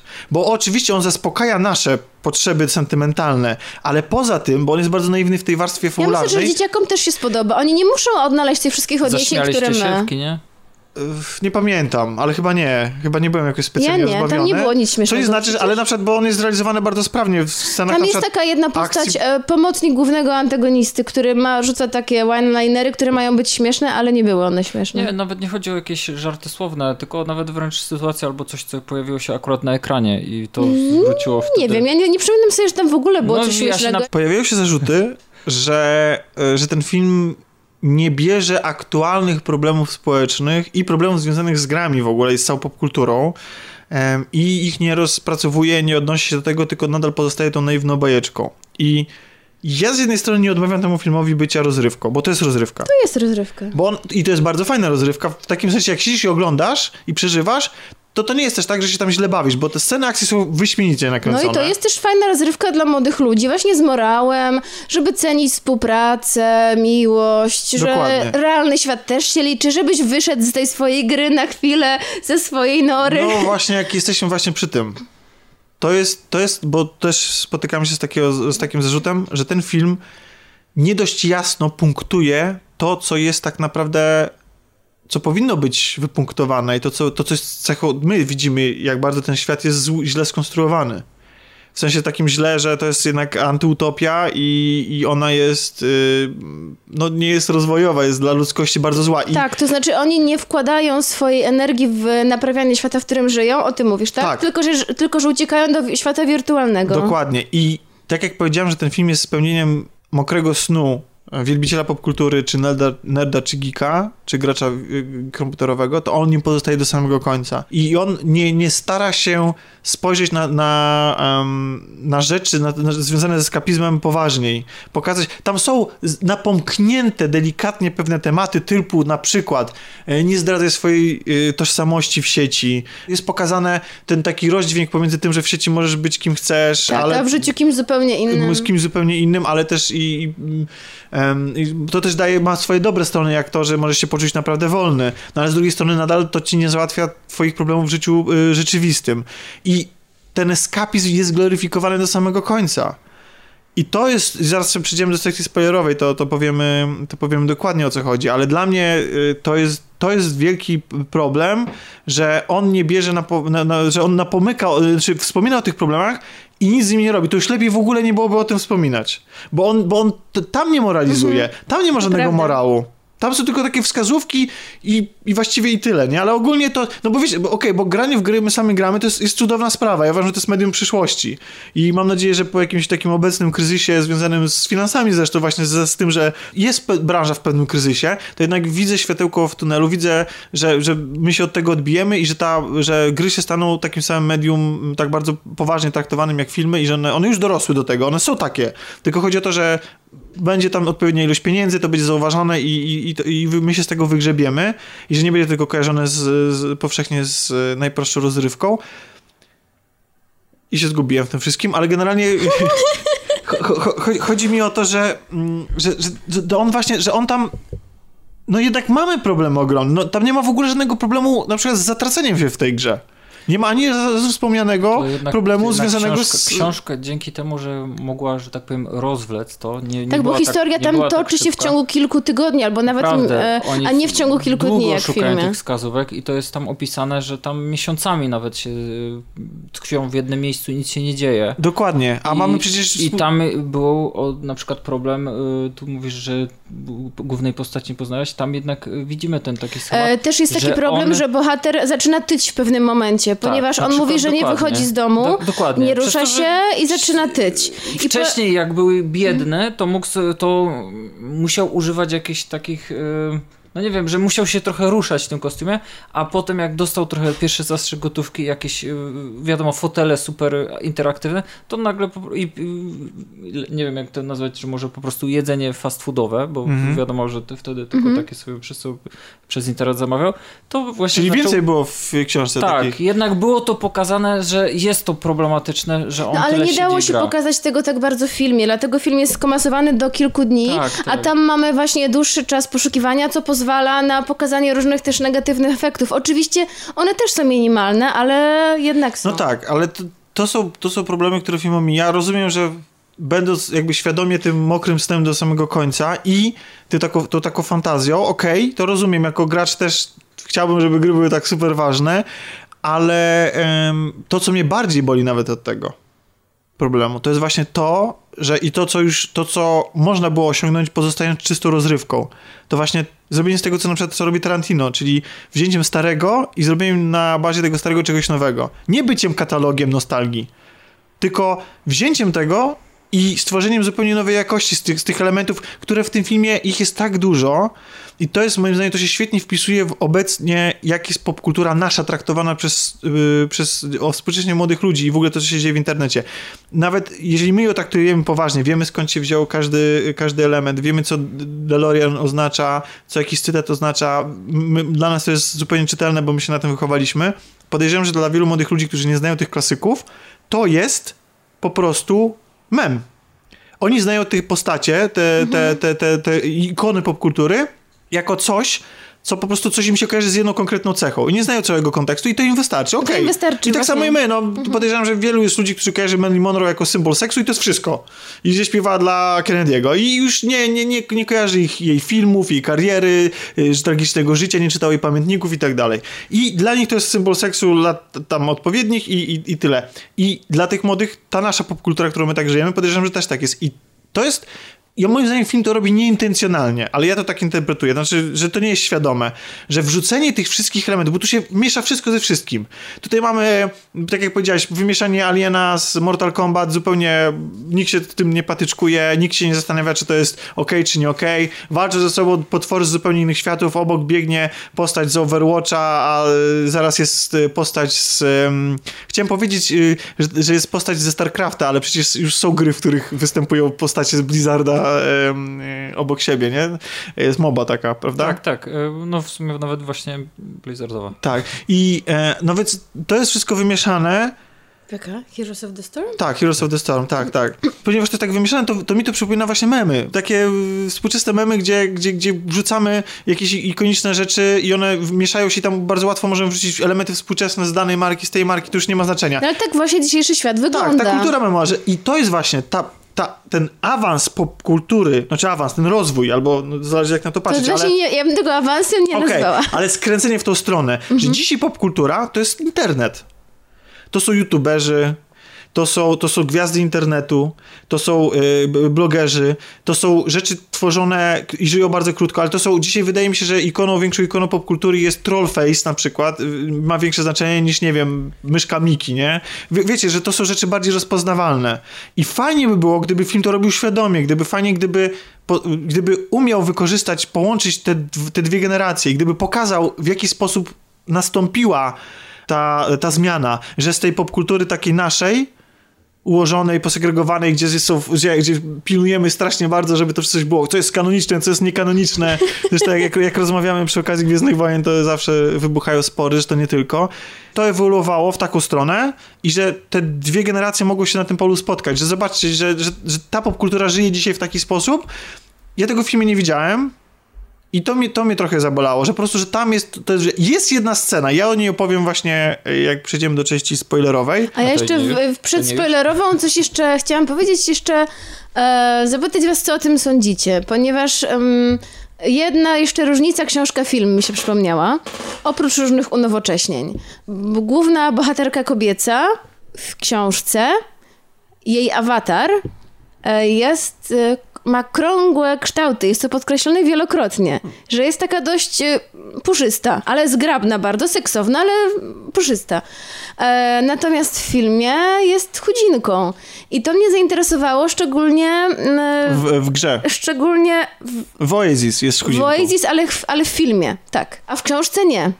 E, szczególnie, że teraz dąży się jednak do tego, żeby inny zupełnie model e, kobiecości promować, żeby jednak pojawiały się te modelki plus size i krąglejsze i tak dalej, żeby nie promować anorektyzmu. A, a jednak coś takiego się No pojawiło bo to jest bardzo konserwatywny film. Bo to jest bardzo konserwatywny film. Znaczy to jest taki bardzo... To jest, to, no bo A to właśnie, jest konserwatywne, że robimy chudą dziewczynę? No tak, bo to jest, to jest właśnie spełnienie tego mokrego snu, że ona jest super ładna i atrakcyjna według... Ale w książce też była atrakcyjna, tyle tylko, że była okrągła. No, a tutaj widzisz, no ale jednak wyobrażenie, ja się dziwię, że ona nie miała jeszcze bardziej podkreślonych tych walorów pewnych kobiecych, że, miała, że nie miała tych piersi, wiecie, olbrzymich jak Lara Croft z lat, lat 90., bo to Lara Croft się tam nie pojawiało, nie pojawiło w ogóle. Mhm. Nie pojawiła się No to jest ten. A to jest jednak ikona, nie? No w każdym razie, może się pojawiła gdzieś tam. Indiana Jones to się, na... nie wiem, czy się pojawi Indiana Jones, prawdę mówiąc, bo to już by było do Spielberga, wydaje mi się, że on nie chciałby aż tak bardzo. Piotrku, ale jak cokolwiek chcesz powiedzieć, to błagam do... Tak, tak. Dobra, ale no, a Tak, ty, a ty co sądzisz o tej, o tej... y, No nie, Czy no tak myślisz jak Tomek? mm, To znaczy, ale Tomek... Bo za, zastanawiało mnie, dlaczego. No bo on jest taki właśnie staromodny, to jest taki stary Spielberg zrobiony w latach 80., tylko tyle, że z grafiką komputerową, powiedzmy jeszcze w części niespoilerowej, bo żeby było, bo my tu tak trochę narzekamy, ale po- powiedzcie tak, czy wam się, czy ogólnie byliście, bawiliście się dobrze na tym filmie? Tak, aczkolwiek... Pauza była długa. No właśnie, pauza, bo właśnie, właśnie się tak zastanawiam, no nie wiem, czy Co to znaczy za, zabawa? Czy już za dużo... Jak zdefiniujesz? Dokładnie, czy już za dużo tego wszystkiego widziałem, czy już jestem za stary, bo powinienem z wypiekami wrócić w, z obejrzenia takich scen, a jakoś chyba nie, był poprawny, był fajny, był rozrywką, ale nie był taki wow. Nie był taki właśnie, właśnie się dziwiłem, bo tak trochę mało tego Spielberga trochę odczułem. Czyli e, przeszedłeś nad tym do porządku dziennego, do obejrzenia i zapomnienia. Ale oczywiście to nie jest też tak, że uważam, że film był zły pod jakimś względem. On był po prostu. Był. Był. Miał, Znaczy miał to- obiektywnie złe dialogi. Tam e, próba, e, to jest najgorsze, pa- pamiętacie, śmieliśmy się ostatnio z tej sceny w klanie, gdzie e, jest pokazana uzależniona od gier dziewczyna i siedzi przed włączonym O monitorem, Jezu. jakieś takie absurdalnie śmieszne. Słuchajcie, Tak. my mamy swoje lingo. Nerdzi, geekowie, gracze i tak dalej. Posługujemy się tym językiem i w naszych ustach, kiedy my rozmawiamy o dropieniu lutu e, i, i tego typu rzeczach, to... fragach. O fragach. A tam były fragi, o- pojawiały tak, się a w o grze. fragach to już nikt nie mówi. Fragi to jest, e, to jest etap Quake'a 2 i to jest koniec. Quake 3 jeszcze i... Nie, w Counter-Strike'u też. Są fragi w Counter-Strike'u?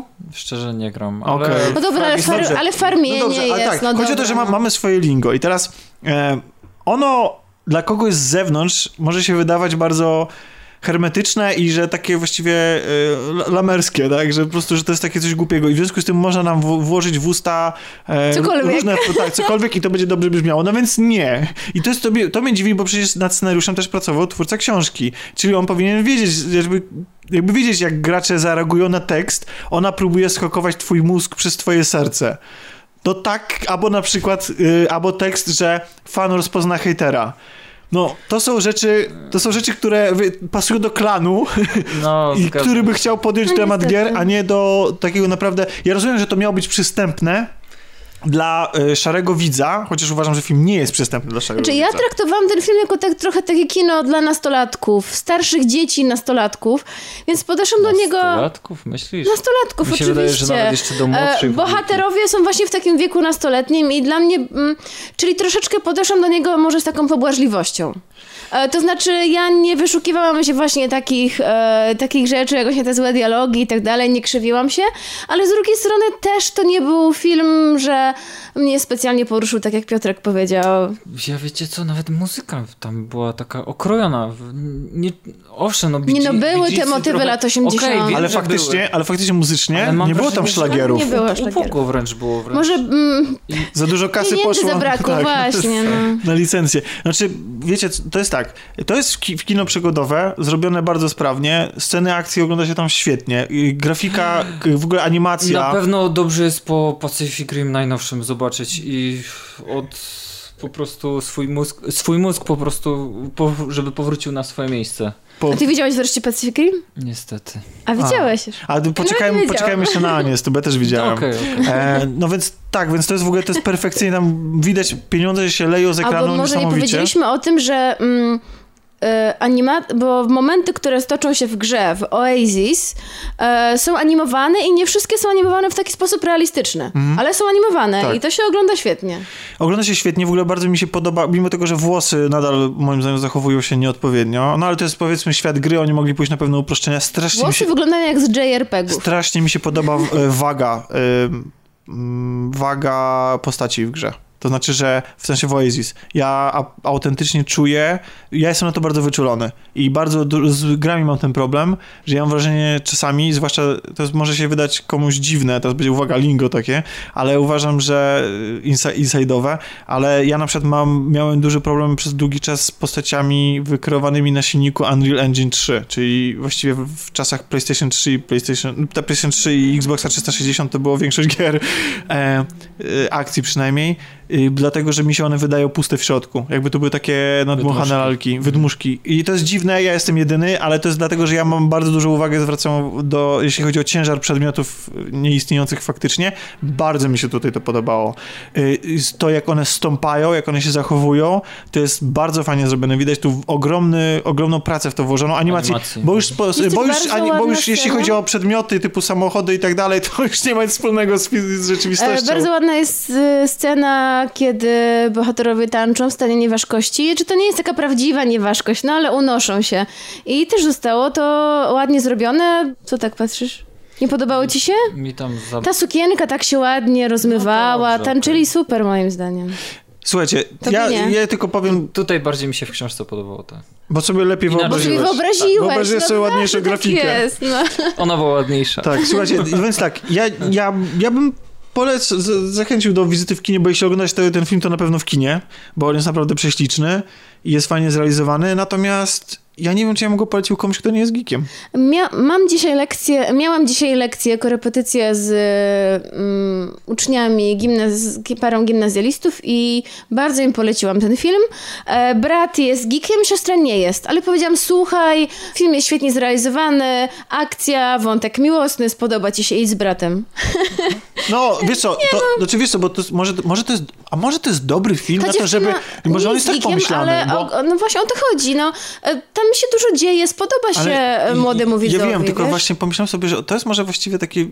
To jest może pomyślane jako katalog do pokazania swojemu dziecku. Że zabierasz swoje dziecko, żeby ono świadome na przykład pewnych memów czy postaci z popkultury, ale jeszcze nie zaznajomione, bo ma swoich bohaterów i tak dalej, to ty zabierasz je na taki seans i nie wiem, pokazujesz mu tego bogactwo, gdzie ojciec się może, ojciec, przepraszam, rodzic może się bawić doskonale na takim seansie, dziecko może przeżywać przygody i nawet jeśli nie wyłapie wszystkich y, nawiązań, ciągle mi mam w głowie słowo referencje, co jest, czyli ten Kalka językowa. kalka językowa, co jest niepoprawna, prawda? Mhm. E, I, i, i, i, i może to jest właśnie, może to jest po to wymyślone w taki sposób, bo ja naprawdę mam problem ze sklasyfikowaniem, dla kogo to jest. Na pewno bym polecił każdemu geekowi, nawet jeśli mam ogromne zastrzeżenia do tego filmu. Opowiem do nich szerzej w części spoilerowej, do której właśnie przechodzimy, ale moim zdaniem wybranie się na ten film do kina jest obowiązkiem nawet, jeżeli czujecie jeszcze nostalgię za tymi czasami, jesteście graczami i tak dalej. I sobie, i podejrzewam, że będziecie wyszukując te, te wszystkie mm, szczególiki, te marki, te licencje, będziecie się bawić doskonale. Bo to jest właśnie taki dziwny film. Że mimo tego, że można mu dużo zarzucić, to jednak sprawia dużo radochy. A teraz przechodzimy do części spoilerowej, na szybko. Dobra. Ci, którzy dot- dotrwali z nami do teraz, to wam wszystkim bardzo serdecznie dziękujemy. Mam nadzieję, że usłyszymy się szybciej niż później, ale na pewno będzie to jakaś dłuższa chwila e, przerwy, bo ja wyjeżdżam po prostu. I... A nikt nie chce oprócz mnie montować Jedziesz tego. do Afryki?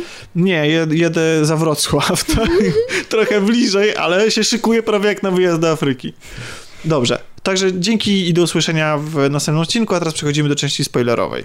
Papa. Papa. Cześć. Uwaga, teraz będziemy rozmawiać ze spoilerami o filmie oraz książce Ready Player One lub Player One, także musicie przygotować na to, że troszeczkę zdradzimy różnicę między książką a filmem. Jeżeli nie chcecie słuchać nic o książce również, no to Przewincie. Nie, w, w, tak, wyłączcie, bo to już będzie koniec podcastu. Także Ale może chcecie posłuchać pożegnania. Tak, w którym będziemy zapraszać na naszą stronę internetową. I pozdrawiać Marcina Trybusa. Będziemy poznawać Marcina Trybusa, w którym na pewno byśmy powiedzieli, zaprosili naszą grupę, na naszego Twittera, który jest y, prężnie się rozwija i w ogóle naprawdę śledźcie go, bo tam Tomek odwala kawał dobrej roboty, wrzucając codziennie fajne posty. Na naszego Instagrama też, na którego link znajdziecie, zresztą jak do wszystkich innych rzeczy w opisie tego odcinka. No i co? A na naszej stronie wyląduje, jak już usłyszy- usłyszycie ten e, odcinek, to na pewno będzie opublikowana mm, teksty kolejny cykliczny o książkach, które będą miały premierę Sebastiana Rulika. Który bardzo polecamy, bo on z kolei w tym tekście poleca jakieś tam książki. Jakieś tam książki. Nie, no... Nowości wydawnicze Nowości- kwietnia. Tak jest. Dobrze. E, I jeśli też jak Marcin Trybus chcielibyście się tak stać sławni i pozdrawiani, no to komentujcie, To oczywiście. lajkujcie i... Tak, i szerujcie. Słuchajcie. Przede A to wszystkim. słuchajcie. Nikogo. Ważne, żebyście kliknęli w lajka. Dobrze, to przechodzimy do części spoilerowej. Jak, jak, jak powiedziałeś mi o tej jej figurze, to od razu, y, to od razu do tego bym chciał przejść, bo to mi jakoś utkwiło. To jest niewykorzystana autentycznie, dlatego ten film jest strasznie taki konserwatywny, okazja do tego, żeby pokazać ludzi, którzy nie są super ładni na ekranie. Główna bohaterka mówi, że, nie, że jest brzydka i dlatego się skrywa za taką super atrakcyjną e, awatarem, bo chce być ładniejsza, a w, a w rzeczywistości się boi przyznać, e, przy, znaczy jakby spotkać się na żywo, podczas gdy w rzeczywistości nadal jest fajną laską, tylko tyle, że ma bliznę, no. Nie, no. nie, właśnie o tym powiedziałam też moim uczniom dzisiaj właśnie. Więc słuchajcie, uważam, że to jest dużą zaletą tego filmu, że bohaterowie są normalni. E, Ten chłopak nie jest ani jakiś przystojny, ani umieśniony, ani nic takiego, to nie jest Pattinson, a ta No fakt. dziewczyna jest ładna, ale w taki normalny sposób, to nie jest seks bomba, Ale to nie jest jesteś, no normalnie tak, ładna ale, dziewczyna. no, ale, nie, Ale no, to ale są jest... normalni ludzie, no, a, Znaczy czy, a czy my jesteśmy jacyś brzydcy? Strasznie nie, no po prostu. Jaka skromna, no. ale nie, ale dla no, mnie... no jest, ale no chodzi o to, że tacy No, ale- normalnie ładni ale, są. no ale dla mnie to było, znaczy, no nie są posągowi, ale nadal byli sexy. Znaczy, ona. Mhm. nie, bo, no on nie, wiem. zupełnie. Okej, okej. Ona wydała mi się ładna, no nie no, ale miała ten, to się nie nazywa blizna, to się jakoś nazywa. To jej nie czyniło brzydką. To się nazywa jakoś, to jest jakiś płomień. ale- Chodzi o to, że niektórzy ludzie mają coś takiego, takie czerwone, coś na twarzy. Okej, no, tak rozumiem, jak Harry Potter miał na czole. Sposób, jak, jaki to było... Poka- nie, to, co w ogóle? Zaraz wychodzisz na... Harry'ego Pottera też tam nie było. E, Nie, nie było Harry'ego Pottera. Znaczy przynajmniej nie dostrzegliśmy. Ale, ale Nie, ale niektórzy ludzie mają, no nie, no nie na jak Harry Mugola Potter. wychodzisz, nie? Że nie wiesz skąd Harry Potter ma bliznę na twarzy. No dobra, ale niektórzy ludzie mają takie coś, e, to się jakoś specjalnie nazywa, no naprawdę. Takie czerwone No coś tak, na rozumiem, ale to mi To jest duże i To można się tego wstydzić. Jakby, no okej, rozumiem, ale ona też tam była członkinią jakiegoś ruchu oporu Wiecie co, to, i, to wręcz i walczyła jak, z tą korporacją i ona miała kontakt z A ludźmi. zwróćcie uwagę, że na koniec filmu niechcący jej awatar też przechodzi przeobrażenie i Ta- też dostaje takiej tak, blizny. tak. Ja się nawet zacząłem To zastanawiać, czy ona morał. wcześniej nie miała. Nie miała właśnie. Ale- To ciekawy morał. Ale uważam, że, że można, tam oczywiście jest... ta- Pokazuje nie wstydź się swoich wad, Tak. więc Tomek, no ona... Ja szczerze mówiąc tego nawet nie Chodzi o to, że właśnie nie ona z tego powodu no. miała kompleks. Nie chodzi, czy była naprawdę ładna, czy brzydka. Ja na przykład też miałam swoje kompleksy. Modelki mają swoje kompleksy. Każdy uważa, że ma w sobie coś, co mu się nie podoba. Okej. Być może inni tego nie zauważają nawet. I to był dla niej ogromny problem. Ukrywała to pod włosami, wstydziła się. A ta przemiana awatara sprawia, że zobaczcie, nie ma co się wstydzić, to dodaje ci uroku, jesteś jedyna Ale jak już- wątek Asha, bo ty nie czytałeś książki. Ja od początku. Wątek kogo? Kim był Ash? Się okazał w życiu. Age. Age, przepraszam. Age, bo to H, A, ja age. tam Ash, no. E, Age? Age. Aż tu po francusku. No to... A, że, że, że on Ten był jego nią. przyjaciel. Że on dokładnie. był nią. Okazał no, się nie dość, że nią, to jeszcze starszą przy sobie murzynką. Wiesz, Znaczy, o- oczywiście tam od razu, okej, że nie jest ale z kolei ona... Y, Co? Co, co, co? rasizmie. No dobrze, okej, no w jej przypadku faktycznie tak było. No cofam tutaj, Kasia mnie trochę przekonała, że to jednak ma sens, więc, więc cofam trochę ten, ten zarzut. Natomiast, ale nie Nie. mogę cofnąć zarzutu, y, chociaż mam nadzieję, że mnie przekonacie i wytłumaczycie, dlaczego tak się dzieje. Jak już jesteśmy przy tym całym ruchu oporu i w ogóle przy tej całej y, gromadzie, no więc w sensie tej, tej, tej klanie tym, tak? Mhm. No więc dla mnie dla mnie absurdem jest to, że oni mieszkają wszyscy w jednym mieście. No to jest takie uproszczenie scenariuszowe. Nie mieszkali. W książce nie... No- a, Nie mieszkali. A, no tak, książka. No, w książce nie mieszkali, a tutaj wszyscy się znają. Wręcz nawet... Chyba, że oni prze, faktycznie przelecieli. Wręcz nawet y, Azjaci byli, e, z odrzutowiec był zamawiany, żeby właśnie do Stanów ich A, ale film chyba tego nie tłumaczy, nie? Że, Nie, w ogóle. Że się po prostu nagle po, pojawiają. gdzieś są obok No, siebie. więc można odnieść wrażenie, że oni mieszkają w, w tym... Żadna z osób nie mieszkała obok siebie. Tak, Nawet... a jeszcze em, nie wiem, czy masz jakiś plan na tą część spoilerową, bo e, to, o czym chciałam powiedzieć, ważna i ogromna różnica w stosunku do książki. Nie chciałam tego mówić Mhm. wcześniej. I jestem ciekawa, dlaczego takie, a nie inne podjęte zostały decyzje. Jedna z postaci ginie w książce. Która? Azj- e, m- Jeden z młodszy- Japończyków, ten młodszy Japończyk. Azj- e. Tu też ginie. Nie. No jak ginie, ale E, w życiu realnym. w życiu realnym ginie. Tak jak ciotka, o. I ten starszy brat jest y, w żałobie. Bo generalnie wiesz co, tam y, tutaj to było, to było że, że Wade się smutne. wygadał, a tak naprawdę tam chodziło o to, że y, wielkie złe korpo dostało się do papierów szkolnych mm, do dyrektora, opłaciło dyrektora i namierzyło tak Wade'a, a po Wade'zie namierzyli y, resztę przez IP. A, oni byli, Jezu drogi, ta, e, w książce była uznana, że korporacja była dostawcą internetu. I oni, Google. wiesz, w, o, Coś nie, no dostawcą nie, internetu. W, w, ogóle, w ogóle Że oni mieli... Jak UPC i tak dalej. no i mieli wgląd po prostu w czyjeś dane, więc namierzyli ich i dla, zaczęli, ich, zaczęli ich eliminować. Eliminować i namierzyli właśnie tego y, i to było bardzo smutne i wzruszające i jestem ciekawa, czy Zrobili, to ma być aha, tak że on bardzo... popełnił samobójstwo w ogóle tego młodego, nie? Że Znaczy tak go wrobili jakby w samo... Tak, tak. Znaczy nie, no sfingowali, przepraszam, Okej. samobójstwo. I jestem ciekawa skąd takie ruch, czy dlatego, że ma być to film familijny, bo w dzisiejszych tak. czasach w filmie jest tak. to niepoprawne, żeby bohater ginął, szczególnie dziecko, no nie wiem, ale to A było... może właśnie obawiali się tego śmierć dziecka, jak to na ludzie no to wpłyną, nie wiem, Zareagują. zareagują. Wiecie, jak ludzie wpłyną. Jak wpłynie to na e, No nie wiem, Tomek, co myślisz e, O o, tym? No, że właśnie jak co by było, gdyby zabrakło- naprawdę to chyba zginął. tego dramatyzmu. Chyba Znaczy, bo- jedna z no postaci to- realnie zginęła. No, no nie może, bo to jest kino familijne, no. Wszyscy No mają się tak. czuć dobrze i w ogóle to zakończenie jest strasznie, jak jesteśmy przy tym kinie familijnym. Zakończenie w ogóle było okropne. Jest, jest, jest, tak, jest tak naiwne. Skąd się bierze tam policja? Wiecie? A wiecie, co jest być powiedziane? to śmiało scena po napisach i mógł mnie ktoś ostrzec i bym nie został A, ale w ogóle ono, się, ono trwa 5 miliardów lat, ono jest dłuższe, to jest chyba nawiązanie do Władcy Pierścieni. Strasznie bo, bo oni długie. tam podpisują te dokumenty, w ogóle mamy morał, i jeszcze dorzucenie tego, że ten... E, Ale skąd się wzięła policja? Jest powiedziane, że to jest państwo bezprawia. W książce w No ogóle nie, jest powiedziane, nie, nie. że jest ogromna, ogromna przestępczość. filmie- Autobusy są opancerzone, bo zawsze może ktoś na ciebie napaść. w filmie, w filmie jest mowa, czy dzwonimy No. po policję.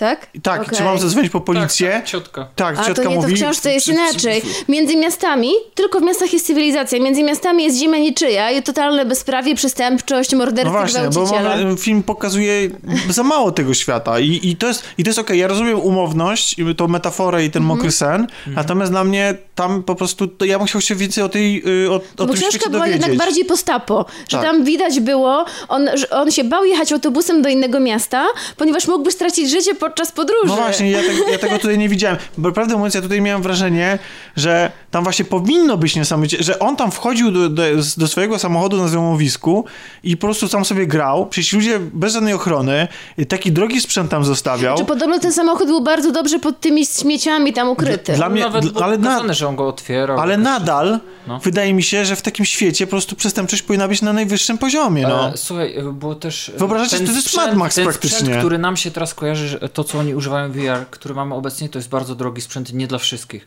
A on tam, przynajmniej książka przedstawiała, że ten sprzęt był mm, starsze wersje, on używał On na miał takie dostępne dla wersje, każdego. które wręcz nawet ktoś wyrzucił na śmietnik, a on sobie naprawił. On miał bakcyla takiego, że był trochę takim technikiem, trochę takim Okej, nerdo- okej. nerdem. Technicy magicy. Technicy magicy, dokładnie, taki yy, majster klepka, że on, on, a, on w ten sposób nawet zarabiał na ten jakieś drobne opłaty, reperując sprzęt i sprzedając, ktoś odkupił. Tak, Rozumiem. tak. Jakieś stare laptopy i tak Coś dalej. ten deseń, Rozumiem. No, dokładnie. w każdym razie to zakończenie jest okropne z tym pistoletem i, i idzie ten, y, jak się nazywa ten aktor? Simon Pegg? To- nie, nie. nie, uważam, że za mała A, rola dla niego. Ben Mendelssohn. Tak. I ma, Uwielbiam Bena Mendelssohna i bardzo mi się on podoba tutaj, on też tutaj w tej mówi z roli. wadą wymowy, mam On wrażenie. zawsze ma taką wadę wymowy. Ale tutaj jakieś tak jest chyba to podkreślone. Albo... Tomek, może dopiero pierwszy raz zwróciłeś no uwagę, nie, bo on tak mówi. przecież, y, jak się ten serial o rodzinie nazywa? Przyznam, że ja go tak nie Który serial? M- Mówisz z Benem Mendelsohnem? Tak, no jest ten serial o sag- sagie, sadze rodzinnej. No on, on właśnie, jego gwiazda tam zapłonęła. W tym serialu, no. Ale on gra tutaj ba- bardzo fajnie, takiego złoczyńcę. No on zawsze gra fajnie, jest świetny. Tak, no sam w sobie jest charyzmatyczną postacią, ale ta cała korporacja jest po prostu kretyńska, no, do, do bólu, no, i też naiwna. I, ale a propos Blaytenera, to właśnie jest nawiązanie, kiedy oni go oszukują w, tam podczas końcowej sekwencji i go wybudzają do symulacji, prawda? I oni po wybudzeniu go do symulacji można rozpoznać, że to jest symulacja przez to, że oni mają oczy jak e, androidy. e, Tak, jak, tak, jak oczy. Zwróciłam na to uwagę, tak. Tak, no i właśnie... Dokładnie. Ale to jest maleńkie No jest, nawiązanie. ale dla A w mnie- książce to był fragment jednej z głównych zagadek, Ale wiesz, mnie- więc to było takie wow, ale super. Mnie to ucieszyło, czer, czer, czerpanie z życia tego mm, Holiday'a do tego, żeby jakieś tam jakieś proste takie morały wybrzmiały, to jest Wiedziałem, że on podczas mroku też był. To, to, to, to, to, jest y, cichoły, przeproś. Przepraszam. I, Pocałuj pierścień. ojej, jaka zabrzmiało. musztra. tak zabrzmiało, tak do niego powiedzieć przeproś. Teraz- Nie, to ty do niego pierwsza Przeglądam mówiłaś. właśnie filmografię od tego e, Bloodline. Bloodline, tak? On w serialu Bloodline się pojawił e, i to znaczy tam gra bardzo kluczową rolę i bardzo Rozumiem. polecam w ogóle ten serial. Jest świetnie zagrany, chociaż później już męczy nie wiem, czy on nie jest i... austra- australijskim aktorem, bo właśnie to Królestwo Zwierząt, to tak mi się kojarzy, że to jest australijski twórca.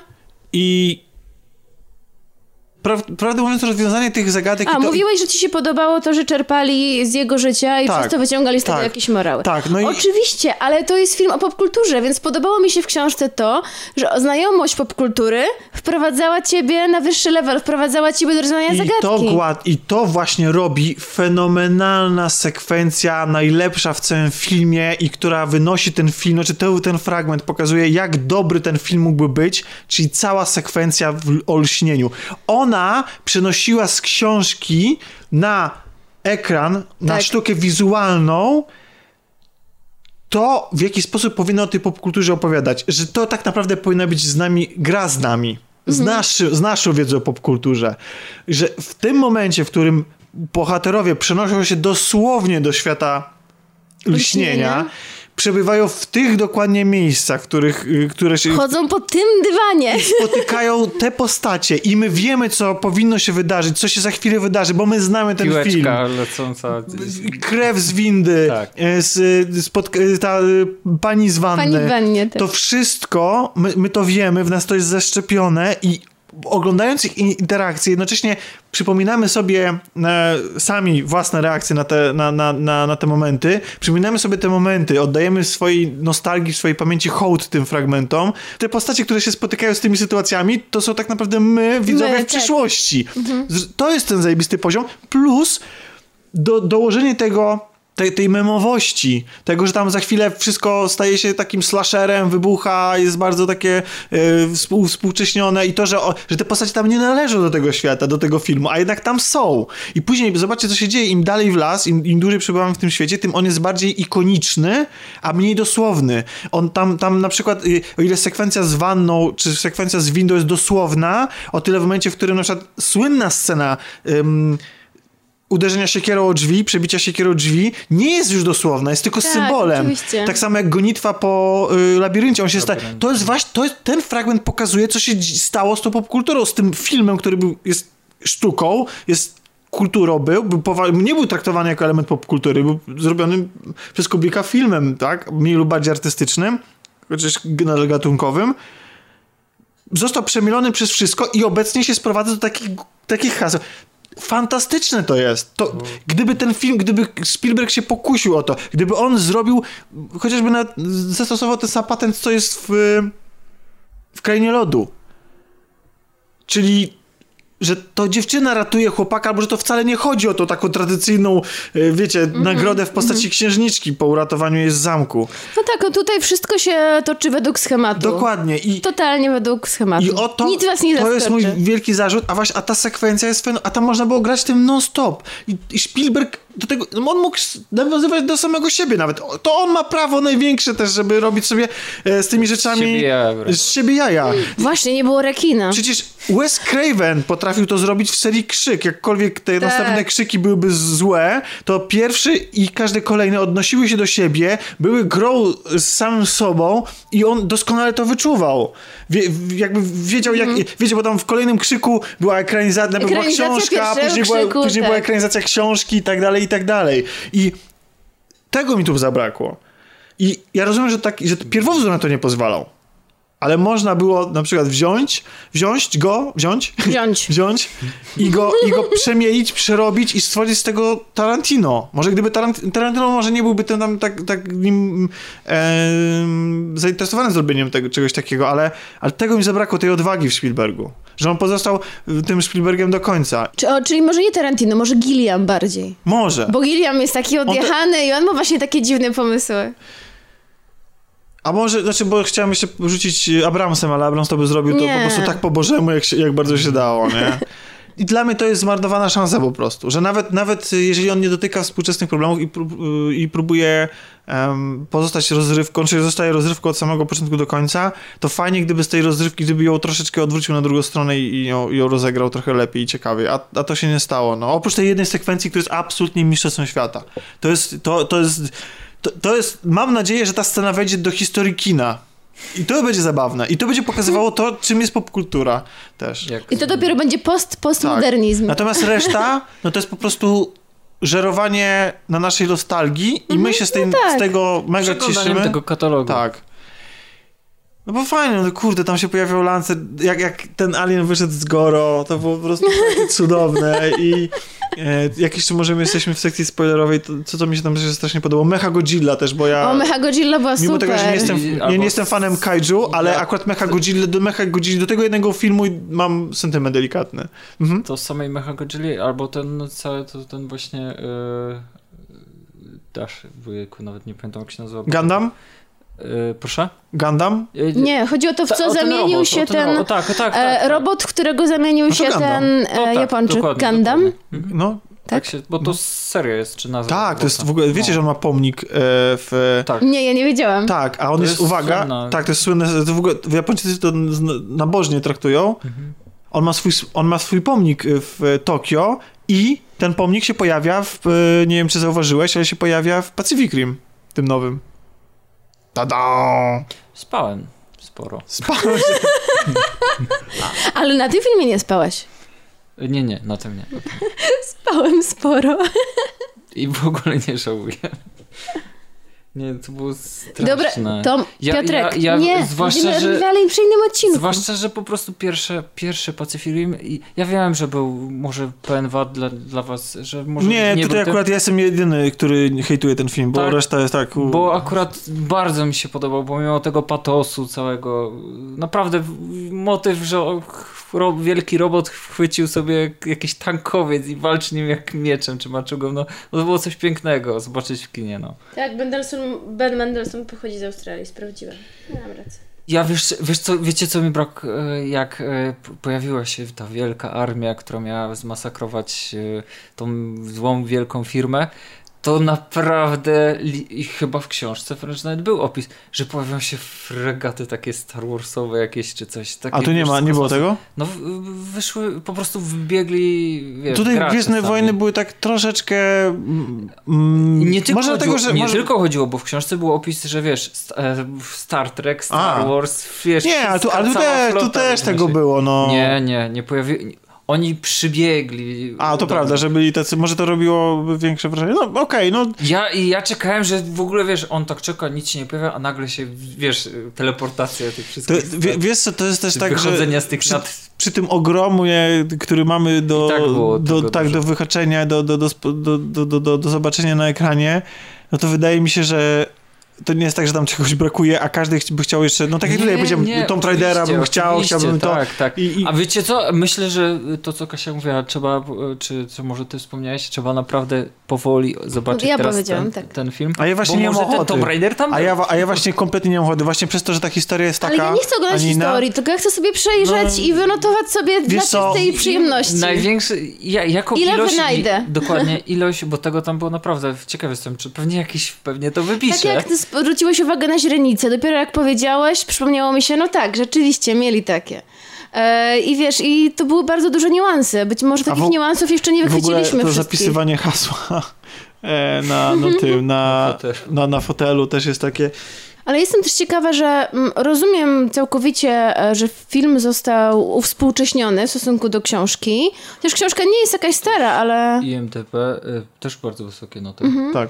E, Książka nie jest jakaś stara, ale chodzi mi o to, że w książce pojawiają się rzeczywiście, e, jest bardzo przypomniany latami 80., ale zastanawia mnie, dlaczego e, w ogóle usunięto nawiązania do RPG papierowego i Dungeons and Dragons. Coś mogło się pojawić, a szkoda, że jednak całkowicie usunięto rolę Ale to, tego. wiesz co, ale to jest Przecież to jest film dla geeków, No tak, ale to jest, doceniliby. no ale wiesz co, no mało tam miałaś geekowych rzeczy, na, na, te, na to miejsce ws- wskoczyło coś innego, więc podejrzewam też, że kwestie może licencyjne właśnie, może trzeba było wypromować bardziej Możliwe, jedne możliwe, marki, a drugie, a innego. Mhm. drugie mniej. Tak, bo to jest też, to jest właśnie to, co po- powiedziałem, że to jest, ta, to jest połączenie, żerowanie na naszej nostalgii i to jest dla nas, jako fanów, jest jak najbardziej y, połączone z y, po prostu z tym, że za tym wszystkim się kryje po prostu gigantyczna kasa. A jak jesteśmy jeszcze przy kasie i w ogóle... i Jeszcze chciałem wrócić do tej kwestii tej wymowy, tego eskapizmu. Tam jest ten taki... Mm, taka scena na samym końcu, kiedy oni się znajdują już w tym pokoju z młodości twórcy gry i tam jest ten wielki przycisk wyłączenia na, na, na ścianie.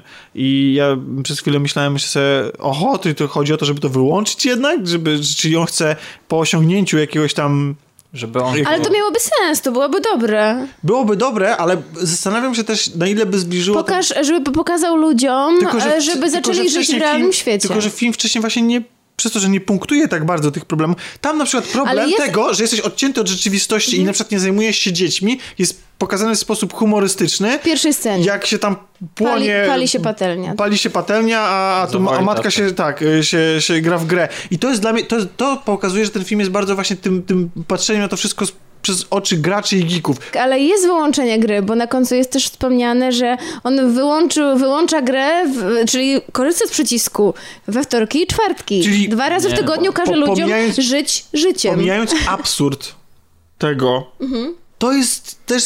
Okej, bo to jest tak, żeby nie było, bo być może z naszej rozmowy w ogóle wyszło tak, że my mamy jakieś, y, że postrzegamy gry komputerowe jako zagrożenie i w ogóle. I to nie jest tak, absolutnie, że my kochamy gry wideo. Zresztą nagrywałem podcast, który niedługo wróci w formie, której się nie spodziewacie.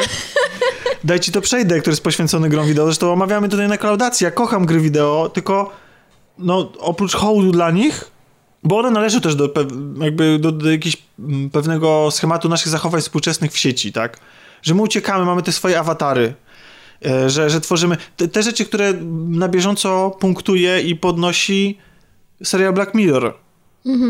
A, a, a- a film, jeżeli to tylko napomyka o tym, ale nie, nie kontynuuje tego. I to jest szkoda, to jest po prostu zmarnowana szansa na to. Że może właśnie pod tą przykrywką zabawy można było sprzedać nie takie morały, które są uniwersalne, typu działajcie razem, czy em, k- uprawiajcie seks i, i, jedzcie jedzenie, bo to jest ważne, bo właśnie na dwa dni wyłączamy grę po to, żeby się najeść i pobzykać, no.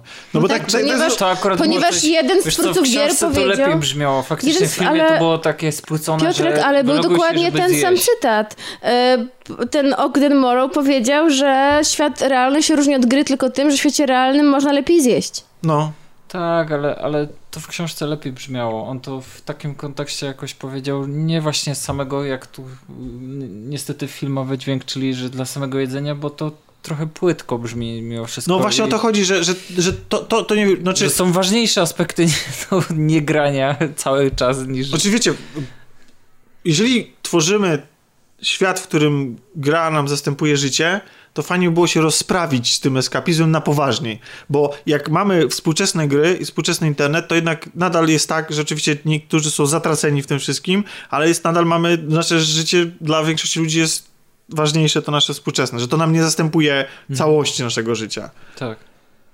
Ale jeżeli podnosimy to do takiej rangi i robimy z tego taki duży temat, no to rozprawmy się z nim, no potraktujmy go poważnie, a nie na, na zasadzie takiej tak jak jest to współcześnie, no. Żebyś tylko przypadkiem, drogi graczu albo człowieku, który żyje w internecie i, i który jest zadowolony z tego, jak jego życie wygląda, żebyś tylko przypadkiem się źle nie poczuł na tym filmie.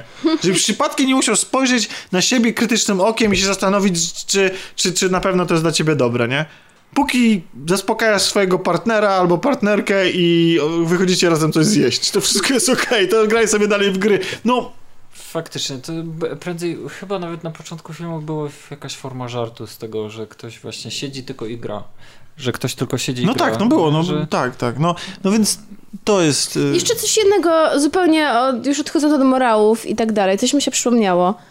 Na koniec filmu pojawia się starsza pani, ta miła sąsiadka jego. E, I dlaczego ona się pojawia, skoro ona zginęła w wybuchu? To mnie też zainteresowało. No, że- Nie, nie, nie, nie, ty zapamiętałeś, w książce był dokładny opis, że ona właśnie... Że ona zginęła, no ale ona A. mieszkała tam Jak tym jesteśmy przy tym wybuchu, pojawiają się drony, tak? To były drony? Drony. Drony, które niszczą, wysadzają... Tak, bo instalują Ja tam wiem, że to jest biedna dzielnica, ona wybuchowe. nikogo nie obchodzi. Ale no ludzie, no. I, i, I wszyscy wiedzą, że to jest korporacja to zrobiła i nikt z tym nic nie robi. Bo żeby tam było No pokazane, bo to że... jest świat bezprawia. Ale- o to No chodzi. nie jest, to w książce, bo tu jest, jest, bo jest policja, bo przyjeżdża na końcu policja i aresztuje na CEO te- w tej wielkiej tak nie- I korporacji. dlatego, się, tak nie I dlatego się zdziwiłam, skąd się wzięła ta... No bo w Bo książce nie było, korporacja bo... była w mieście, więc Tak, tam się e, policja Dlatego pojawiła, w książce tak nie było, bo w książce było właśnie to przedstawione jako bezprawie. Tam nie ma czegoś takiego jak policja już. Trzeba radzić sobie samemu. I faktycznie można było zginąć, jak się wychodziło. Tak. No i dobrze, i ta wizja wydaje mi się ciekawsza i realniejsza. No, Chociaż z drugiej strony, gdyby to było pokazane, że policja i rząd współpracują z korporacjami i po to, żeby jak najdłużej utrzymać, i gdyby ci Ale to nie było pokazane. gdyby Możesz ci sobie ludzie, powiedzieć. Tak, i gdyby ci ludzie nie walczyli przeciwko korporacji, tylko walczyli przeciwko całemu temu systemowi, gdyby to chodziło. To, to, jasne, to jest kopia Matrixa, ale ja zadałem na jednej z grup internetowych pytanie dla ludzi skierowane do ludzi, którzy są urodzeni po 95 roku. E, jak oni odbierają Matrixa? Bo dla mnie Matrix jest obecnie bardziej aktualny niż w momencie, kiedy powstał, bo wtedy był jakoś fantazją i ma, znaczy do, do, przewidywał jakieś zagrożenia, nasze strachy, lęki związane z rozwojem internetu i skokiem technologicznym związanym z komputerami, a dzisiaj obecnie moim zdaniem jest doskonałą mm, po prostu metaforą i komentarzem do współczesności, do życia w internecie. Zwłaszcza dla młodych ludzi, bo wydaje mi się, że my, my też zresztą jesteśmy No zatopieni dobra, w tych no ale to co ci Ale młodzi chyba ci ludzie młodsi odpowiedzieli? To bardziej chyba te nowsze wersje, te, te, chyba nowsze wersje Matrixa niż tam coś... Nie, Części. nie, nie. Wypowiadali się ludzie, którzy widzieli e, właściwie wszystkie trzy. No tak, I e, wypowiadali się mniej więcej, jeśli chodzi o ocenę filmowości tego, bo ja się pytałem, czy tam e, e, zestarzały się efekty, e, jak oni, czy oni widzą to jako taką stary ramol, tak, e, ramotkę jakoś starą i tak dalej, czy to się da w ogóle oglądać. Mhm. A oni nie, odpowiadali się raczej z szacunkiem, nawet tym, który się film nie podobał, mówili, że oni rozumieją, jakie miało znaczenie w historii kina. no. Był I ktoś, komu się Matrix nie podobał. Wow. tak, no, no były, no ale to wiesz, no to Mhm. nic, no, znaczy, wiesz, bo oni nie mają do tego sentymentu, poza tym też Marcin? podejrzewam... Pozdrawiam Marcina Trybusa.